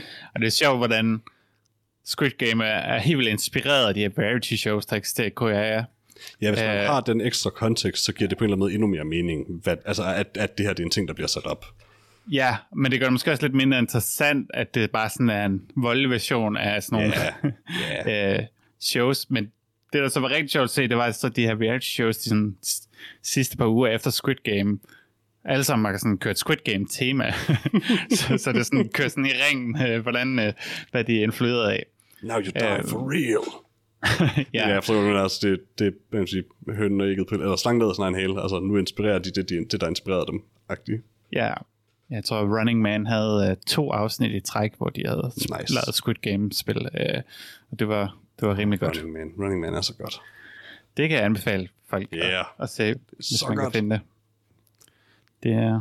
Jeg har kun set det, mens du har siddet og set det, og jeg bare har sat mig og set med. Og jeg vil sige, du, hvis du, hvis du, hvis du giver den en chance, at det tog mig måske tre afsnit at forstå, hvad fanden der foregik. Og forstå, at altså, jeg var hele tiden jeg ved ikke, om det her det er sjovt, fordi det er meningen, det skal være sjovt, eller fordi jeg ikke forstår det. Men det er sjovt i hvert fald. Og på Ja, tidspunkt, ja. så, så, var jeg sådan rimelig overbevist om sådan, ja okay, alt det, alt det, der er sjovt, det er også meningen, det skal være sjovt. Ja, altså, det er jo bare, man kan sige, øh, improviseret humor i scriptet spil. Mm. Øhm, og det er, en, det er en ret god combo. Øhm, Det er og det. så har de jo alt det der med, at de selvfølgelig udvikler sig lidt over tid. Øhm, for eksempel Running Man, det har nu 576 afsnit. Damn. Øhm, og det er jo et afsnit om ugen, de har kørt i de sidste 11 år. Ja. Øhm, og det er jo sådan, folk de har sådan lidt karakterer, altså sådan lidt Ja. arketyper, som man sådan fra afsnit til afsnit sådan lidt ved, forstår interaktionen mellem de forskellige folk og sådan noget. Ja, så det- det er sådan halvt skuespil, halvt reelt. Øh, Præcis. ja. Det bedste ved den serie er metaserien, altså, eller det er ikke metaserien, men, men det er samspillet mellem karaktererne, og det, det er den historie, der anden måde ja, udfolder sig halvt instrueret, halvt ikke øh, mellem spillene og under spillene. Ja. Altså, du ved, le- legene er jo i den grad bare en facilitator for det. Ja, ja, fordi de, ja, de snyder og sådan noget. Ja, Ja, Altså, ja. det er bare, hvis, de, hvis de finder på at gøre et eller andet, hvis der er et eller andet, der er sjovt, øh, der kræver de snyder, så gør det det bare Og det er det. så hyggeligt, når de mobber hinanden. Det er så dejligt. Ja. Der var nogen, der fik øh, stjålet alle deres marbles i Squid Game, da lyset gik ud. Det var, Oh, det var, det var rigtig herligt. nice. Ja. Og så lavede de også det der med at gå på broen, hvilket, øh, hvilket fungerer rigtig godt i reality shows også. Fordi folk er reelt set bange for at falde igennem, på trods af, Ja, ja, ja. det er sådan en halv meter drop under eller sådan noget. Ja, visuelt ja. Er det også et decideret, et, altså, det, det er et sæt meget mere end alt det andet er, så det, det, det Ja. er også bare nemt at få til at fungere, tænker jeg. Og en af dem, øh, jeg tror hun havde sådan 0,7% chance for at klare så mange, som hun klarede, eller sådan noget. Hun blev bare ved med at gætte rigtigt. Øh, det var ret vildt. Ja. Oh, det var Men det fordi, ja. et ret fint øjeblik, synes jeg, da matematiklæreren bare sådan out loud altså overbeviste sig selv om sådan, ja, okay, jeg, jeg er bare død. Ja, Som han jo også bare er. Øh, altså. Ja, det, det, er- det har jeg slet ikke nævnt. Øh, måske min, noget af det, jeg faktisk næsten bedst kan lide ved afsnit 6, det er, at den nok absolut mest tragiske historie i afsnit 6 udspiller sig 100% i baggrunden indtil afsnittet efter, altså hvor, hvor den lige bliver nævnt, basically. Um, men det synes jeg er så fint. Nå, Det er karakterer, som ikke rigtig har fyldt særlig meget overhovedet indtil Nej. men det er bare det at man ved præcis det her om dem, og man når lige at se, her er de, hej hej, nu går vi i gang med spillet, og det er et eller andet sted bare sådan super nederen hele tiden, mens man ser alt det andet, og vide sådan, lige nu der sidder en mand og en kone, som er gift, og prøver at finde ud af, hvem af dem, der skal dø. ja. det var ret, Ja. synes jeg. Altså super deprimerende, men, men, men det, det er ret cool, at de har så godt et setup med dem på en eller anden måde, også til at give dem lidt baggrundshistorie, og så bare sådan vælger, at det, det viser vi slet ikke. Nej, men det er også, altså, det, det er jo imponerende, hvor meget de nåede i det afsnit, øh, Ja. i forhold til, til flere forskellige historier. Helt vildt. Og den historie, lille sidehistorie, skulle måske bare have været i et andet afsnit, for at give det lidt mere plads. Øh, men altså, altså, det var også en meget god måde, de gjorde det på. Ja, Ja, jamen, altså, jeg, jeg tror måske, at jeg sidste der, hvor sådan, det, det, det havde ikke rigtig føltes, som om der var nok kød på en... Altså, jeg ved ikke rigtig, hvad man skulle skrive en historie med dem om, som var super interessant, uden at det ville fylde rigtig meget. Så jeg tror ikke rigtig, man kunne, jeg tror ikke, man kunne gøre nok med et afsnit med dem. Men jeg ved det ikke. Det var, Nej, det var bare min altså, følelse. det Men altså på den tid, Ja. den der pigen, der bare var en underlig pige i afsnittet før, altså der formodede de også med øh, en tredjedel af et afsnit, der gik hende en baggrundshistorie, der gav mening. ja. Altså man kan sige, bagklogskabets lys, så er det måske sådan lidt, øh, jeg ved ikke om det er til seriens fordel, at det første er i det afsnit, vi sådan rent faktisk mister karakter, vi godt kan lide. Øh, det er meget sådan randos, der dør op til det. Øh, Ja, det skaber både et meget dramatisk afsnit, men det gør også, at man, ja, man er ikke så meget nervøs i det første par afsnit. Men, ja. Nej, der er det mere sådan den menneskelige tragedie i det hele på en eller anden måde. Men det er, man, man er altså, det sjove er faktisk, at da jeg, da jeg sad i starten af shit så sådan, nej, men jeg ved i hvert fald, at hvem end hovedpersonen teamer op med, kommer fald ikke til at dø i det afsnit. det synes jeg er meget fedt. Og det er helt sikkert også derfor, de gør det sådan, fordi man sidder og har de der tanker, tænker jeg også. Um, og det, det er ret fedt det øjeblik, hvor det går op for en, at lige præcis fordi de her er vores hovedpersoner, så ved vi, at vi nu mister halvdelen af dem cirka. Mm. ja. Nok om Squid Game. Ja, Hvis du skal give den her til en karakter, hvad vil det så være, Peter? At the end of the day, vi har, vi har heller ikke snakket om æstetikken, men det er faktisk sådan, sådan jeg kunne faktisk ret godt lide æstetikken. Den er, meget, den er ikke specielt opfindsom, men den fungerer helt godt. Mm. Um, særligt når de har deres uh, Fly Me to the Moon og dukker og sådan, det er helt fedt. Uh, at the end of the day, så giver jeg den stadig 4 ud af 4. Det, altså, Netflix har ikke lavet noget, der er mere interessant i lang tid alligevel, synes jeg. Uh, ikke, ikke af, hvad jeg har set. Um, jeg kan godt lide koreansk medie, medie i det hele taget, og jeg synes, den er, på trods af sine sidste tre afsnit, stadig en god samlet pakke. Ja, jeg tror bare, jeg giver den 3. Det er også meget mere fair. Nej, men jeg synes ikke, jeg giver den 4 4 unfair som sådan. Uh, jeg tror bare, man siger visuelt og tematisk og sådan noget, så er jeg måske så bekendt med det, Ja, at det ikke sådan, det føles ikke særlig nyt eller frisk, Nej. som det vil gøre for så mange andre. Um, det var virkelig også specifikt dukkerne og Fly Me to the Moon. Det var kombinationen af de to elementer specifikt, jeg rigtig godt kunne lide. hvad, for nogle, hvad er det for nogle dukker, du skal? Øh, både dels dukken i øh, Rødt Lys Stop, og så øh, dukkerne, Nå. der optræder med Fly Me to the Moon. Det, det, er, Ja, også, okay. det er også cinematografien men, men altså, jeg vil også, det, nu ser jeg så det er altid lidt misvisende. Hele det der sådan pink, gule, sådan, alt det der gøjl, det er ikke det, jeg synes er sådan super fedt. Det er faktisk måske en anelse irriterende. Ja, okay. Masser af neon og pastelfarver. også det er. Yes, men uh, ja, Squid Game, det var en serie. Vi så den. Det gjorde vi. Uh, Johan sagde, den var ok.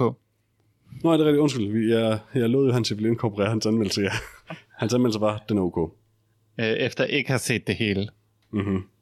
Så han er ikke færdig endnu. Så han har måske endda kun set det gode Squid Game indtil nu. Ja. Jeg tror, han vil være meget sur over uh, de Helt sikkert, helt afsnit. Um, fordi hvis bliver lovet noget koreansk, og han lige pludselig får noget andet, der ikke er koreansk, så, så bliver han sur. Jeg Peter, har du uh, set noget siden sidst? Øh, jeg prøver lige faktisk at tænke på, om jeg har set noget andet end Squid Game. Nej, jeg nåede ikke at se... Øh, jeg, jeg, jeg, jeg havde sådan set gerne ville fortsætte mit tempo med Squid Game over i Sense8, og det kommer jeg helt sikkert stadig til. men jeg nåede det bare ikke. Hvor langt er du nu? Fire afsnit eller sådan noget? jeg tror, jeg har set... Jeg har set fire eller fem. Okay. Um, jeg, jeg har ikke set flere, end, altså, end vi har snakket om. Nej. Um, Næste år. Næste år. nej, nej, altså det, det er planen, at, at nu fortsætter jeg tempoet bare over i Sense8. Det, det eneste, der gik galt, er at jeg, jeg har bare ikke nået dertil endnu, fordi jeg har Squid Game. Okay. Um, mit tempo med Squid Game faldt en lille smule med de sidste tre afsnit, så ja. um, det var Jamen, det gjorde det også for mig. Det er fordi, jeg gik også fra, at jeg havde set syv afsnit, eller fem, fem syv afsnit. Havde du set er at... Piece, inden vi aftalte det her eller hvad? Nej, det havde jeg ikke. Jeg, var, jeg Ah, tror, jeg okay. var på femte afsnit. Øhm, og så var det, vi aftalte, okay, så skulle vi anmelde i stedet for, så mistede jeg helt lysten til at se det. Bare sådan, nu skulle jeg se det, så nu Ja, gad jeg ikke. Jeg Øh, men øh, ja, det var meget godt. jeg fik det set færdigt. Ja. Det, det, Men jeg har set cirka to sæsoner, næsten to sæsoner af Pose. Wow. Øhm, jeg ved, vi to har snakket lidt om det øh, mm. uden for podcasten. Men det er jo den her serie øhm, om den her ball culture i øh, slut 80'erne i øh, USA. Øhm, det findes stadig i en eller anden forstand. Mm. Øhm, men det er der, hvor... Ja. Øhm, det var sådan et, et... Noget, der foregik i weekenderne blandt øh, etniske og seksuelle og kønsminoriteter i, øh, i New York i, i, i slut 80'erne, eller sådan set i, fra slut 70'erne til Mhm. mm-hmm. godt i 90'erne, hvor de sådan, ja, kommer ind og poser. Altså, det er sådan lidt, de øh, kører forskellige kategorier, hvor de sådan, okay, så skal de være et eller andet specielt, så kan det være, der er et eller andet butch queen, eller sådan noget for, mm. for butch øh, kvinder, eller sådan noget for homoseksuelle mænd, eller sådan noget, hvor de skal have nogle bestemte ting, nogle, nogle dansekategorier, eller sådan noget. Så det handler om at være den bedste i en kategori, og vinde et eller andet øh, trofæ, som man så har indtil næste uge, hvor man så starter forfra og prøver at vinde øh, i en ny kategori, og så videre. Nice. Så det er meget det her med, at ja, de prøver at vinde den her konstante konkurrence, der bare kører. Øhm, men så samtidig er de her mennesker, altså man kan sige, som i slut 80'erne er, man kan sige, ekstremt udsatte, fordi altså, de er jo sorte, de er transkønnede, de er homoseksuelle osv., så, så de lever bare sådan på Ikke, kanten nemmeste, af... ikke det nemmeste at være i USA. Nej, ikke i slut 80'erne.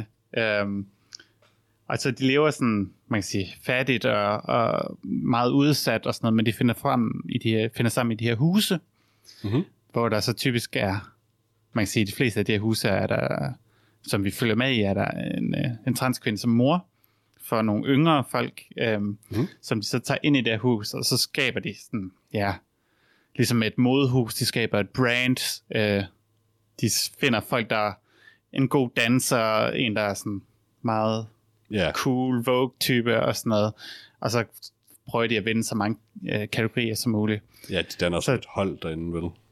Ja, nemlig. Og det er sådan en virkelig interessant mix af, af sådan den her sådan konstante konkurrence, der kører sådan, øh, sådan bring it on style, kan mm-hmm. man sige. Øh, sådan nogle altså, typiske konkurrencer, som fungerer rigtig godt i, altså man kan bygge en hel film op om en konkurrence. Ja. Øh, det er jo det, alle sportsfilm også handler om. Ja, ja. Samtidig med, at der kører det her meget intense drama, hvor folk helt konstant dør AIDS. Øh, de fleste af dem arbejder i, i, i sexindustrien og sådan noget. Øh, ja. Har ikke nogen penge. Nogle er desperat prøver at finde, man kan sige, nogle hvide sugar daddies eller sådan noget andet for at opretholde en eller anden levestandard, eller bare for at få penge nok til at designe tøj til de her, man kan sige, øh, balls, som egentlig bare er det eneste, de reelt set har, udover, man kan sige, så hinanden. ja. Så den kører bare sådan, altså Så en klassisk kan- komedieserie. klassisk komedieserie. Nå, men den er faktisk ret sjov, og det er jo det, der gør den her Ja, det- post så god en serie, det er, at den er konstant, øh, alt er tragisk, man konstant arbejder ud fra sådan, sådan noget, sådan en ekstrem kærlighed fra hinanden, og sådan konstant optimistisk for, hvordan fremtiden bliver. Altså, mm-hmm. Mhm. De kæmper hele tiden for, at tingene skal blive bedre. Øh, og derfor så fungerer serien helt vildt godt. Øh, jeg vil sige, første sæson var, synes jeg var lidt bedre end anden sæson, bare fordi, Mhm. mm. at der er den var blevet introduceret til mere, den fokuserer mere på det her konkurrence, hvor toren den bevæger sig lidt ud i sådan nogle eksistentielle koncepter og sådan noget, og bliver sådan lidt, hvor der er en død person, der kommer og snakker med alle karaktererne. Og sådan. noget. Det bliver sådan lidt... Altså, den prøver Ja. mere at sige nogle ting sådan meget direkte, frem for at bare lægge dem ind som øh, elementer i serien. Men det er ikke sådan Squid Game afsnit 6, og så Squid Game afsnit 7. Nej, nej, det, det er ikke sådan. det er ikke sådan. Øh, men ja, jeg mangler to afsnit af anden sæson, og så selvfølgelig tredje sæson, Nice. som de ikke havde på Netflix alligevel, så det er meget godt skifte af HBO. Jeg synes også, det lyder som et interessant, altså som, som du også selv nævnte, vi har talt lidt om det off the air, jeg synes, det lyder som et ret interessant koncept, netop også fordi det der med, altså noget sjovt og noget farverigt og festligt med din tragedie, er jo, altså det er jo også historisk, men det er jo lige præcis det, folk gør, nemlig det der med, at man netop fester, fordi tingene er noget lort. Ja. ja. I sådan et desperat forsøg på at overleve, og det er, der et eller andet, altså det er jo bare ekstremt menneskeligt. Um, så jeg kunne sådan set sagtens finde på det. Jeg, jeg, jeg ville være ret interesseret i at se den egentlig. Den lyder fed. Ja, altså de første 16 minutter af serien og sådan noget, var jeg sådan helt vildt turned off på serien, hvilket var, jeg kæmpede mig igennem, fordi jeg havde, øh, man kan sige, fået den anbefalet så meget, men det er sådan første 16 minutter bare sådan 100% sådan rå attitude, sådan eller en in your face, øh, hvor der ikke er noget håndgribeligt for en, som ser at hive fast i, men Ja. så, så skifter den, og så en af de karakterer, vi har set her i, i åbningen, hun vil så starte sit eget hus, og så mm. der serien kører fra. Ja, og det fungerer rigtig godt. Men den er, Pose har også den mest Cruella-agtige Cruella-karakter nogensinde. Mm, øh, Altså, gamle Cruella eller nye Cruella? begge. Oh. Mellemting, I guess. Oh. Øhm, men hun er sådan... Øh, men hun fungerer. Der er mange gange, hvor jeg tænkte, det her, den her karakter for åndssvag, men så på et eller andet, ah, så hiver hun en tilbage ind. men hun er bare sådan, altså hun er den her attitude, hun er sådan lidt ældre øh, sort transkvinde, som ja, har en meget rig sugar daddy, mm-hmm. øh, som hun har haft igennem lang tid, så hun har fuldkommen domineret de her øh, balls, fordi hun både er ekstremt talentfuld, men også fordi hun har nogle penge at gøre godt med. Øh, men hun, ja, hun virker ikke som et rigtigt menneske, indtil de lige pludselig bare river hende ned og gør hende menneskelig, og så bygger hende op igen. Så hun er sådan virkelig, virkelig arrogant, men Ja. hun gør det et eller andet sted for at bevare en eller anden værdighed og sådan noget, som Ja. man sådan langsomt finder ud af. Og det fungerer helt vildt godt, øh, i modsætning til den reelle Cruella-karakter, som en underlig skurk, som Disney prøvede at gøre sympatisk. Øh, Og hvis mor blev dropkicket af en hund? ja, og den film. Den film. Skal vi se den igen. Beta? Nej, fuck nej.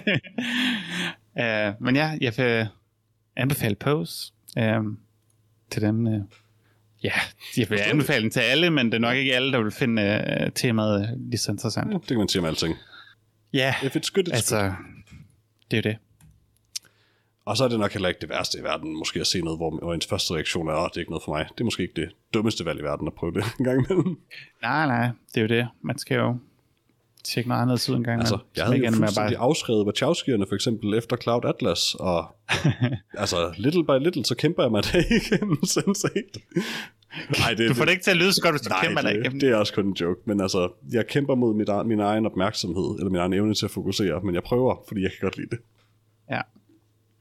Men øh, ja, har, havde du noget andet, du lige vil nævne? Øh, nej, ikke andet end at før vi lige bevæger os ind i segmentet, så vil jeg bare lige, jeg ved ikke rigtig hvorfor, nævne, at altså, hvis man har set Squid Game, og man er interesseret i mere øh, sydkoreansk, øh, hvad kan man sige, flere sydkoreanske historier om, særligt der med om den menneskelige eksistens på en eller anden måde, så altså, vil jeg bare nævne, hvis man ikke har set Oldboy, den originale sydkoreanske film selvfølgelig, så er den værd at se i hvert fald.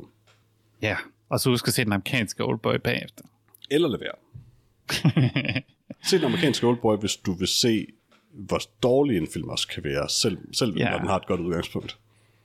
Hvis du kan se, hvis du gerne vil se, hvor mange dårlige beslutninger en instruktør mm-hmm. kan tage i, i træk, så er den amerikanske Oldboy et øh, fantastisk eksempel. Eller hvis du som mig, som havde set Oldboy mange, mange, mange gange, og elskede den øh, inderligt allerede, inden jeg så den nye. Øh, hvor ny er den ikke længere, men øh, hvis du bare gerne vil se et, en, en person bare sådan ødelægge alt, hvad du elsker, det er også en, en spændende oplevelse. Ja. Skal du se Kastanjemanden, Bener? Alle snakker om Kastanjemanden. Alle snakker om den, men den hedder Kastanjemanden, så jeg har svært ved det. Vil du så se The Chestnut Man i stedet for? så det lyder som en spændende serie. Hvad er det for en? Mm. Det er en dansk serie øh, Oh. om en mor, der tror jeg nok. Oh. Men ja, som jeg sagde, øh, altså, som jeg sagde, det tror jeg var, hvor det var mig og Johannes Lars, at altså, jeg forstår det godt, men ja, det, det kommer lidt på det der med sådan skandinaviske krimier, hvor de skal hedde et eller andet quirky, og det er sådan, sådan ja, men jeg forstår godt, at han er på grund af det med kastanje, men alt andet lige er det, er det mest definerende ved ham vel stadig, at han myrder folk, så er han ikke mordermand mm. i sidste ende. Altså, Um, den skyldige, amerikanske version af den skyldige The Guilty er også kommet på Yeah. Netflix. yeah. Med Alice uh, yndlings uh, Jack Gyllenhaal og Ethan Hawke. Måske din idé om at boykotte Netflix slet ikke så skidt. Nej, jeg tror det. Jeg tror, jeg gør det på det rigtige tidspunkt. Ja. Yeah. Det kan selvfølgelig også være, at den, at den amerikanske The Guilty øh, kan, kan forbedre den film. Det tror jeg ikke. Nej, altså, hvis jeg skulle gætte, så ville jeg tro, det her det er en helt acceptabel film. Det tror jeg altså. Altså, Som ingen kan huske om to år. hvis ret skal være ret, jeg, jeg øh, havde meget imod øh, den skyldige. Altså, det er også en ganske god film, sådan set. Øh, det er bare ikke lige mig. Nej. Altså, jeg tror måske, inden uh, mit abonnement løber ud på Netflix, så det kan godt være, at jeg lige skal se den der Kate Mm. um, med Mary Elizabeth Winstead. Ja. Den har jeg jo trods alt snakket helt vildt meget op, hvis vi Larsen havde traileren så meget. Ja, Jamen altså, så der er rimelig meget dialog i den, så jeg ved det ikke.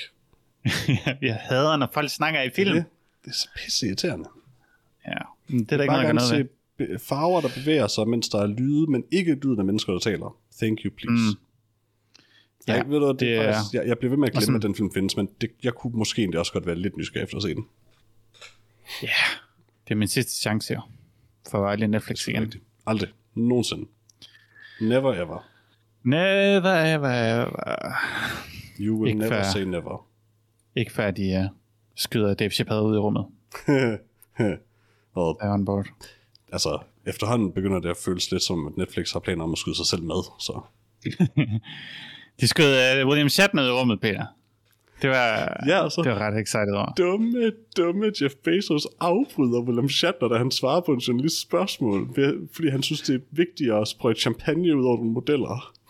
Okay, Det var den del har jeg ikke set. Altså, han gør det ikke helt med vilje. Jeg tror ikke helt, han har opdaget, at Shatner står og bliver interviewet. Men Shatner taler sådan rimelig lavmælt til en journalist. Og du ved, sådan en klassisk Shatner, sådan, It's this, it was amazing, like, you know, touching God. Altså, det er ikke det, yeah. men du ved, hvordan det vil være. Og så bare sådan, mens han at det, er det tydeligvis et emotionelt øjeblik for ham, så kommer, er der nogen, sådan, det er planlagt sikkert, som går op til Jeff Bezos og giver ham noget champagne, det var sådan, Wii! og sådan, og han går bare totalt med på det, laver sit gode øh, skurkegrin, mens han popper den af champagne, og bare sådan op i hovedet af Shatner, og bare sådan, larmer helt vildt, og Shatner giver bare op, sådan, kigger bare ned og holder op med at snakke, Ja. ja. og det er så synd. Ja, altså William Shatner er jo ellers sådan kendt som sådan en lidt usympatisk karakter i virkeligheden. Han er sådan Han er lidt... sådan 90 eller sådan noget. Ja, men han er sådan lidt... Altid været lidt en, en selvoptaget fyr, men Ja, ja. jeg synes, da jeg så sådan... Ham, altså jeg så et klip af ham, der var ja, fløj op i rummet, han bare var sådan fuldkommen Ja, Altså, det her er så bare sådan, taget wow. tilbage af, hvor, hvor, hvor, hvor ekstremt smukt det var, og så videre. Ja, så synes jeg, du synes, det var ret fedt, men Lyden af William Ja. Shatner i rummet, der var sådan, wow. Og sådan, det, det, var, det, var, det var meget sådan, det var meget hyggeligt. Ja, en lille gammel mand. Men fuck Jeff Bezos. Ja. Jeg tror aldrig, jeg har set et video med Jeff Bezos. Jeg kun, tror kun, jeg har set billeder af ham. Efter det blev sådan lidt meme, ej, jeg har set lidt med ham generelt, men efter det blev sådan et rimelig godt meme med, at hans skrin, i takt med, at han blevet rigere og rigere, er blevet mere og mere til sådan cartoony skurkegrin, der har jeg set meget, meget Jeff Bezos video. Okay. Der, der, er nogle, der er nogle gode compilations, hvor du sådan ser han kron- kronologisk sådan Jeff Bezos grine. Og det er ikke helt ikke sandt, at han griner ret meget som en superskurk nu. Nice. Ja, ja, men altså... Men altså, det er også meget passende, eftersom han lidt er en superskurk. Number one, han er jo... Uh, Luther. Ja, yeah. Lex Luthor. ja, ja. Um, ja, Peter, jeg har et afsnit af The Foundation, jeg skal se, har jeg Uh. opdaget. Uh, jamen, uh, don't let me stop you. Uh, det kan være, jeg har et afsnit af Sense8, jeg skal se. Uh, uh. I will stop you. Okay. Jeg vil ellers gerne, men okay. Nej, se du det? Ja. Um, skal have et eller andet ud af Bad Guy Netflix. Det er jo det, det er jo det. Men øh, ja, som, øh, som I jo allerede har hørt, kan lytte, så altså, hvis alt går vel, øh, knock on wood alt det der, så næste uge, så har vi vores øh, tilbagevendende øh, horror special i anledning af Halloween. Øh, og dette år er det som sagt danske gyserfilm, hvor vi skal se, hvad nu, Nattevagten, Midsommer, Sorgenfri og Breeder. Ikke den midsommer, som alle andre gider at se, men Nej, den, den med Carpark North-sangen. ja. Oh, Danmarks bud på en midsommerfilm. Hvad du gør, du ser Der- den. Der er ikke noget, jeg hader så meget som horror. And... Ah, men bare rolig. Dansk horror er ikke særlig horror. Faktisk skulle jeg måske igennem til næste podcast. Altså, det er jo ikke bare, fordi jeg ikke kan lide at se uhyggelige ting. Det er også bare, fordi jeg synes, horror er en helt vildt plot-tynd, super kedelig genre. Så vil du helt sikkert elske en film, der vidderligt har en Carpark North-sang som en del af sit soundtrack. Goddammit. Hvorfor Meget kan jeg ikke bare være glad? plot. Dybe karakterer. Jeg ved ikke engang, hvornår jeg skal nå at sætte det film, Peter. Der er Halloween hele weekenden. Bare, jeg skal... drop, bare drop Halloween, drop vigtige ting, drop dit liv for at se middelmodige eller måske dårlige danske gyserfilm. Ej, jeg ved det ikke. Altså, jeg, jeg har ikke set Sornfri eller Breeder faktisk ever, og heller ikke et nyt special, så jeg ved det ikke. Og Nattevagten er sådan set ikke en, ikke en dårlig film. Det er Breeder, ikke Bleeder, eller hvad? Ja, Kan jeg se Bleeder i stedet for? du må også godt også se Bleeder. Åh, oh, satans. Men øh, tak fordi I hørte med i den her afsnit. Øh, Ja. Selvom der kun var to af os, øh, så håber vi, at I øh, var underholdt nok. Det, Øhm. det håber vi er. Altså, vi er jo de to, der bedst er bare komme ud på nogle komplette afveje, der ikke har noget med noget som helst at gøre. Det- Øhm, Det kommer altid bag på mig, at det sker med os to, fordi når Johannes er med, så er det altid Johannes, der gør det, føler jeg. mm. Men ja, Jamen, det er fordi, Johansen snakker bare om de ting, han godt selv kan lide. det er ikke sådan, at han fører samtalen et sted hen, det er bare fordi, han, og nu snakker vi om det her i stedet for. vi, vi har disset de andre to rigtig meget den episode, det kan jeg godt lide. jeg siger bare nogle De meget skal, de ærlige skal ikke ting. tro, de er noget. Vi er nødt til at holde dem. Altså, Altså, jeg går 100% ud fra, at I bare sidder det som mig, når jeg ikke er.